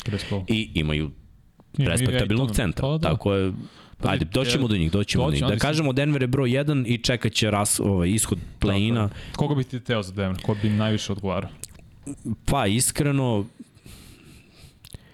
is, iskreno uh, ajde da vidimo Srki taj neki potencijalni moramo da vidimo ovaj kostur pa ćemo onda da Evo, najbolji scenario za njih. Lakers je da dobiju prvo Minnesota, znači to je Večeras. večeras u 4 ujutru i Lakers su onda pozicija broj 7 i oni idu Na na, Memphis. poziciju To broj biti 2. brutalno. To je na Memphis, tako je. Uh, pa onda imamo ovo drugo, gde Pelicans igraju protiv Oklahoma. Oklahoma je ono run and shoot ekipa mladih atleta. Zabavni su. Zabavni su, tako je. Ako bi oni eventualno dobili Ja Pelicanse i onda dobili i Minnesota, to bi možda bio najbolji scenario za Denver. Ta slažem, mislim da će dobiti, meni se sviđa Oklahoma i Zion ne igra opet, pričat ćemo o Pelicansima i toj celoj situaciji.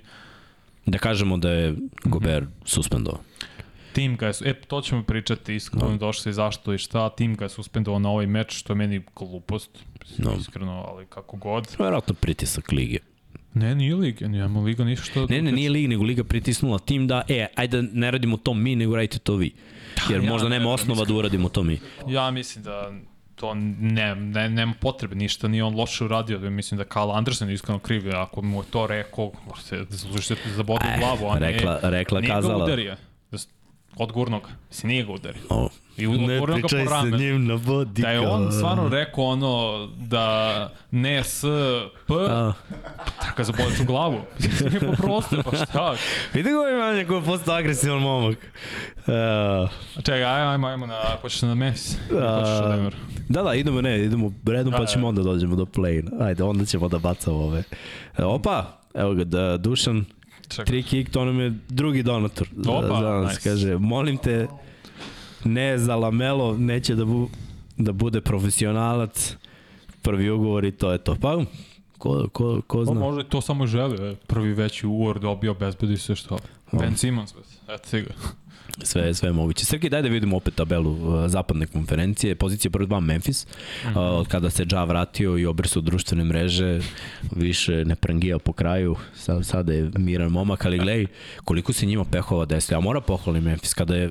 Prvo mislio sam da će biti Ja suspendovan do kraja sezona, da se razumem. E, treba da bude suspendovan da se razumemo i mislim da NBA je okrenulo bukvalno pogled bio fazon mi moramo da iscedimo još malo iz njega je- još koju milku jer je zabavan pa jeste, jeste, Ja, pa staj ne, brate, dečko je... Prvo, a ako govorimo od dana kada je ušao u NBA, meni je on bio pik 1. pik broj 1, to je meni bio Ispred dža. Ziona. Sa, sa, sa njegovim atletskim sposobnostima, onom mekoćem koji ima, eksplozivnošću koju on ima, ovo je, ovo je nešto što se ne viđa svaki dan. Znači, možda je najbolji atleta u NBA-u trenutno. Razmišljam. Možemo da, da de, ono, vodimo debatu o tom, ali O, de, dečko je stvarno, stvarno je nerealno ovo što, što A mi on se ne radi. sviđa šta je radi van terena. Naravno, zato što ima, zato što je mlad, zato što je klinac, zato što je zvezda i zato što ima taj geto A mentalitet. to je problem, ali nisi iz Naravno. a on nije odrastao u Ja razumem, Manja. On je odrastao u porodici, išao u privatnu školu. U privatnu školu išao. That's a private school. to pa jeste. ja, gledaj, Išao je u privatnu školu Da. i on je sad kao... razumem, razumem, ali Nema gledaj, ti možda imaš geto mentalitet i da nisi iz geta ako se uhvatiš sa... Ne, ne, ne, u današnjem svetu, u današnjem svetu, a ja se razumemo, ovo je današnji svet gde možeš sve. On hoće. Da ne pričam šta sve ljudi danas sve mogu. On znači, hoće, ja on znam da želi on to, hoće. ali ne, ja ne razumem zašto, nema potrebe. Znači, Pa ako imaš prijatelje odatle, ok, ali ti si iznad toga, prate, uspio si u NBA, imaš svoju patiku, ugovor od Jeste. 200 miliona, imaš sve, znači ti si uspio i ti hoćeš da se spuštaš na taj nivo. Kao ja sam gangster, vadim pištolj, šta da... Nažalost, je, koliko puta smo već videli ovu priču, nije prvi put, tako. Znači ima Dugo malo, videli, ima od malo, da, ali to u NBA-u, ali generalno. U NFL-u je to vrlo često. E, ajde da, ajde da uzmemo kao uzorak američki sport i njihov, njihovu kulturu. Ovo je normalno. Mislim, meni ovo, ja više ne padam, no, mislim, ja sam igrao sa Amerikancima. Razumeš? Okej. I njihova razmišljanja vrlo dobro znam, jer smo mnogo puta pričali o tome. Sedim, putujemo, ne znam, idemo do Istanbula, idemo do Pariza da igramo i bukvalno se uhvatimo 10-15 sati, a u autobusu pričamo o tome gde oni daju svoj pogled na svet. Gde ih ja pitam, ljudi, vi da s takvim vašim pogledom na svet živite u Srbiji, neko bi vas linčovao treći dan. E, razumeš? Nema veze, e, znaš, i oni kao, da, nije kao, imaju ne, ne, nešto, razumeš, malo su nadmeni, naročito ako su dobre atlete, ako prođu sve, ako si super zvezda. Znači, nisu svi, ne mogu svi da ostanu normalni. igrača koji su odrastali u takvoj sredini, kojima je bilo No. no. teško i izašli su iz Comptona i tako. Dakle, go, kogo god hoćeš kada da uzmeš u Americi, ja, to, ja taj deo razumijem i verujem da većina NFL igrača dolazi iz takvih pozicija i situacija. Istina. Ali on nije On nije, da, ni ali se, ali se vrlo brzo, To je problem, to s tim imam problem. Tako je. Ajde da ovako kažem, šta je mene oduševilo? Znači, ostali su bez Clarka koji je jako dobar centar, jako dobar skakač, jako dobar defanzivni igrač, radi ozbiljan posao, povredio se za sezonu. Jaren Jackson je izdominirao do kraja. Znači, Jaren Jackson je meni, ono, stavljam ga u drugu petorku možda. O ne, ja bih stavio, mislim će biti prva defanzivna petorka i možda i defanzivni igrač, ali ne veru Kad, ne, ne, kad uzem sve, overall, jer gledaj, Morent nije igrao, ovaj se povredio, pa je, ako uzmemo sve šta se dešavalo, znači on i Bane su morali da nose ekipu. Je se slažeš u jednom trenutku? A su da je sve oni- palo na njihova pleća. Su timski, evo sad gledam koliko ko igrao mečeva. Morant je igrao 61. Bane 58, Jaren Jackson igrao 63. Ne, ne, sve stoji, ali u onom trenutku U kad je, ovim- kad je Clark se povredio i ovaj je maho pištoljem. I ostaneš bez dva startera za bilo je 8 ili 10 utakmica ako se ne Jeste, varam. Adams isto, Steven Adams. Adam koji se povredio i pitanje je da li će igra- igrati neće ovaj. igrati play-off. Tako je. Neće igrati. Gledaj, to su tri igrača, potencijalno tri startera i oni opet nekom timskom igrom, nekom timskom energijom, zalaganjem, dobrom odbranom, dobrim Uspeli su napadom. da izvuku, jer su imali na su- početku brate, problem, drugi su na zapadu, bre. 5 od 7, kad se to desilo sve sa Javom, prvo to je zapravo počelo od meča s Lakersima koji su je posvađali sa Shannon Sharpom pored terena, Dylan Brooks koji je postao najveći negativac u NBA-u. I to Memphis voli. Oni su ti, oni su ti napaljeni tim koji hoće budu negativci da nekom upropaste. Podsećaju malo na te bad boyse, mislim, ne nužno stilom igrom, ali da budu taj fazon. I to su oni, znači oni uživaju u tome. No. Ali bit će im teško ako budu igrali protiv Lakersa. Biće im teško, da, ali Baš. opet video sam u njih, video sam u njih neku energiju i video sam u njih da znaju da reše. To, to danas redko ko zna, redko koji tim Nemaju toliko playoff iskustva. nemaju. Ej, Još ako nije tu Steven čekaj, Adams. ali imaju ludačku energiju koju druge ekipe nemaju. Mladi su, naloženi su. Ja verujem u to, borbeni su. Da, verujem, i- verujem, u, u, verujem prvo u, u taj moment. igra. Sve Znaš. stoji, sve stoji. Ali gledaj, oni su prošle godine isto meni bili skroz okej. Ja mislim da prošle godine da bi oni izbacili iskreno Golden State da se Morant nije povredio. To iskreno Dobro. mislim da bi se to desilo, ali se povredio, nije igrao koliko tri utakmice, čini mi se. Mora da pohvalim ovde, Kalu daje komentar, že ovi igrači su fake negativci, Zibo bi to sve našamarao. Pa naravno. Ja, kako Ne, je to vidio nekad. poslednji bilo. meč u Ken Lofton, mlađi. Da, imamo ovde Kako pitanje šta kažete, uh, Kodi No Love donira i kaže šta kažete na Kenija Loftona Junior. Lofton, znači 42 poena, koliko ima 17, koliko ili 15, mislim, podsjeća na Zibo, ne, mislim da Da. se razumijem, nije, ali baš zna da igra košarku, to mi, to mi on ima osjećaj s svojim ogromnim telom i lep šut i sve. Nadam se će igraće u play-offu, nadam se će dobiti neke minute i da može bude dobar igrač, dobar NBA igrač. Moram da pozdravim El Mesiju koji, koji me zazao ovde. Nije umetničko klizanje, Srki i ja smo igrali američki futbol, imali smo svake godine dvojicu, trojicu Amerikanaca.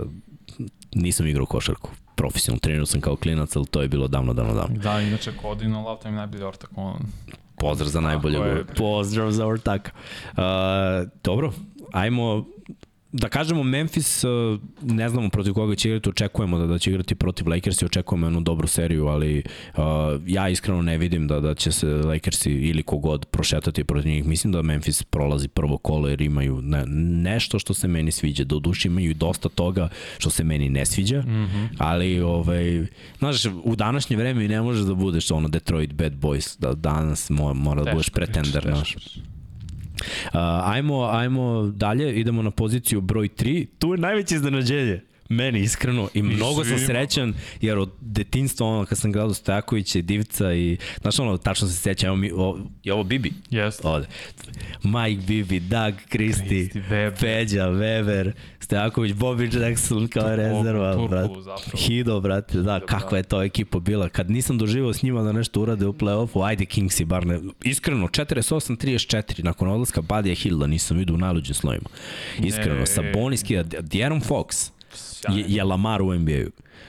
Oh, ne biš toliko tako. Ne mogu, brate. Ja toliko Brate, mnogo je dobar. Nije ni Lamar toliko dobar, da se nalažemo, ali ovaj mali je brz, lud i Prebrz. namestio šut. Jeste, i igra kontrolisano sada. Igra. I u četvrtoj četvrtini dominira, u ono klač momentima, stvarno je baš Dobio je je lika s kojim može da igra pik. Tako je. To nije imao pre. Znaš koliko pik olakšava za, za, pleja s njegovom brzinom i njegovim atleticizmom i on je ludak. Sabonis je preinteligentan. Sabonis, pa evropljanin, brate, ubica. Kide, mislim, znamo čiji on sin, on Arvida Sabonis, jednog najboljih centara. Malik ikada. Monk, Monk, ej. sigurna trica. Ce, ali ceo tim se preporodio, to mi se baš sviđa. Ovo je Da. ruki Keegan Murray. Mislim, da se Da, da, da. Sacramento je prošle godine birao četvrti. Jeste, Murray je oborio rekord za ruke po najviše broju trojki poslednjih sezoni. Imao je preko 200 sad. jeste baš dobro igrao. I on igra je dobro. četvorka, Mari mislim može da se razviju u vrlo Sve ono što nisu Neka sad- trojka zapravo, 3-4 je. Sa Beglijem, Beglijem što nisu Pa, dobili, Bagley. dobili su sa ovim, iskreno. Ali ne, ne, stva, stvarno je na lepa ekipa. E Sad, šta ja mislim? da možda će se obje o glavu ovo što, što se izdešavalo na zapadu Srki, daj tabelu pa da vidimo ko je broj 6. Evo vidi, ovde svi pišu Golden State 4-0. Tako, Šta može da bude za njih prednost? Povrede Golden State Warriors, koji nisu bili dugo kompletni. Golden State je šifra, mislim, to su zvaniši šampioni, ovo što su na mestu broj 6 mačku u rep. Ali, uh, Problem s Golden State je imaju koliko 9 ili 10 pobjeda u gostima cele godine. tako je. To, Ali, to gledaj, ne može ni, ni sa nikakvim, ne, ni, ni većina tih... Jordan Poole je jako loš defanzivni igrač. Jes, mislim, ide u napad. Jordan Poole je lik koji u, u odbrani ga ne računaš. On Burazar se sklanja. Mislim, da se razumemo. Njegov effort, ja poštujem to što radi u napadu, ali ja bi izgoreo, ja Draymonda razumem, jer je Draymond ložana. E, ja sam Draymonda ložana. Ne razumem, brate. Ne, ne, ne, za možeš neke da stvari, zabodeš za- u glavu lika na treningu nikako, brate. Da ga onako uteraš. Sve možeš da uradiš na treningu. na treningu Može sve i da sve. Ali znaš šta, ne, ne, može, ne možeš ovaj, da, moraš da, da objasniš da, da je legacy, to ono što pričamo, dinastija. Okej. Jesu Warriors i dinastija. Jesu. Jordan Poole se tek pridružio toj dinastiji. Ali je bio vrlo dobro u u I play-offu. jeste, i jeste Bio i dalje. A Green. mora da nastavi da napreduje. Ako Okej. želi da dostigne neke visine, ne može da kulira odbranu. Mislim, Kari je tu najbolji igrač, je tako? Ok. Je Stef igra odbranu. Pa, Stef je odličan kradljivac.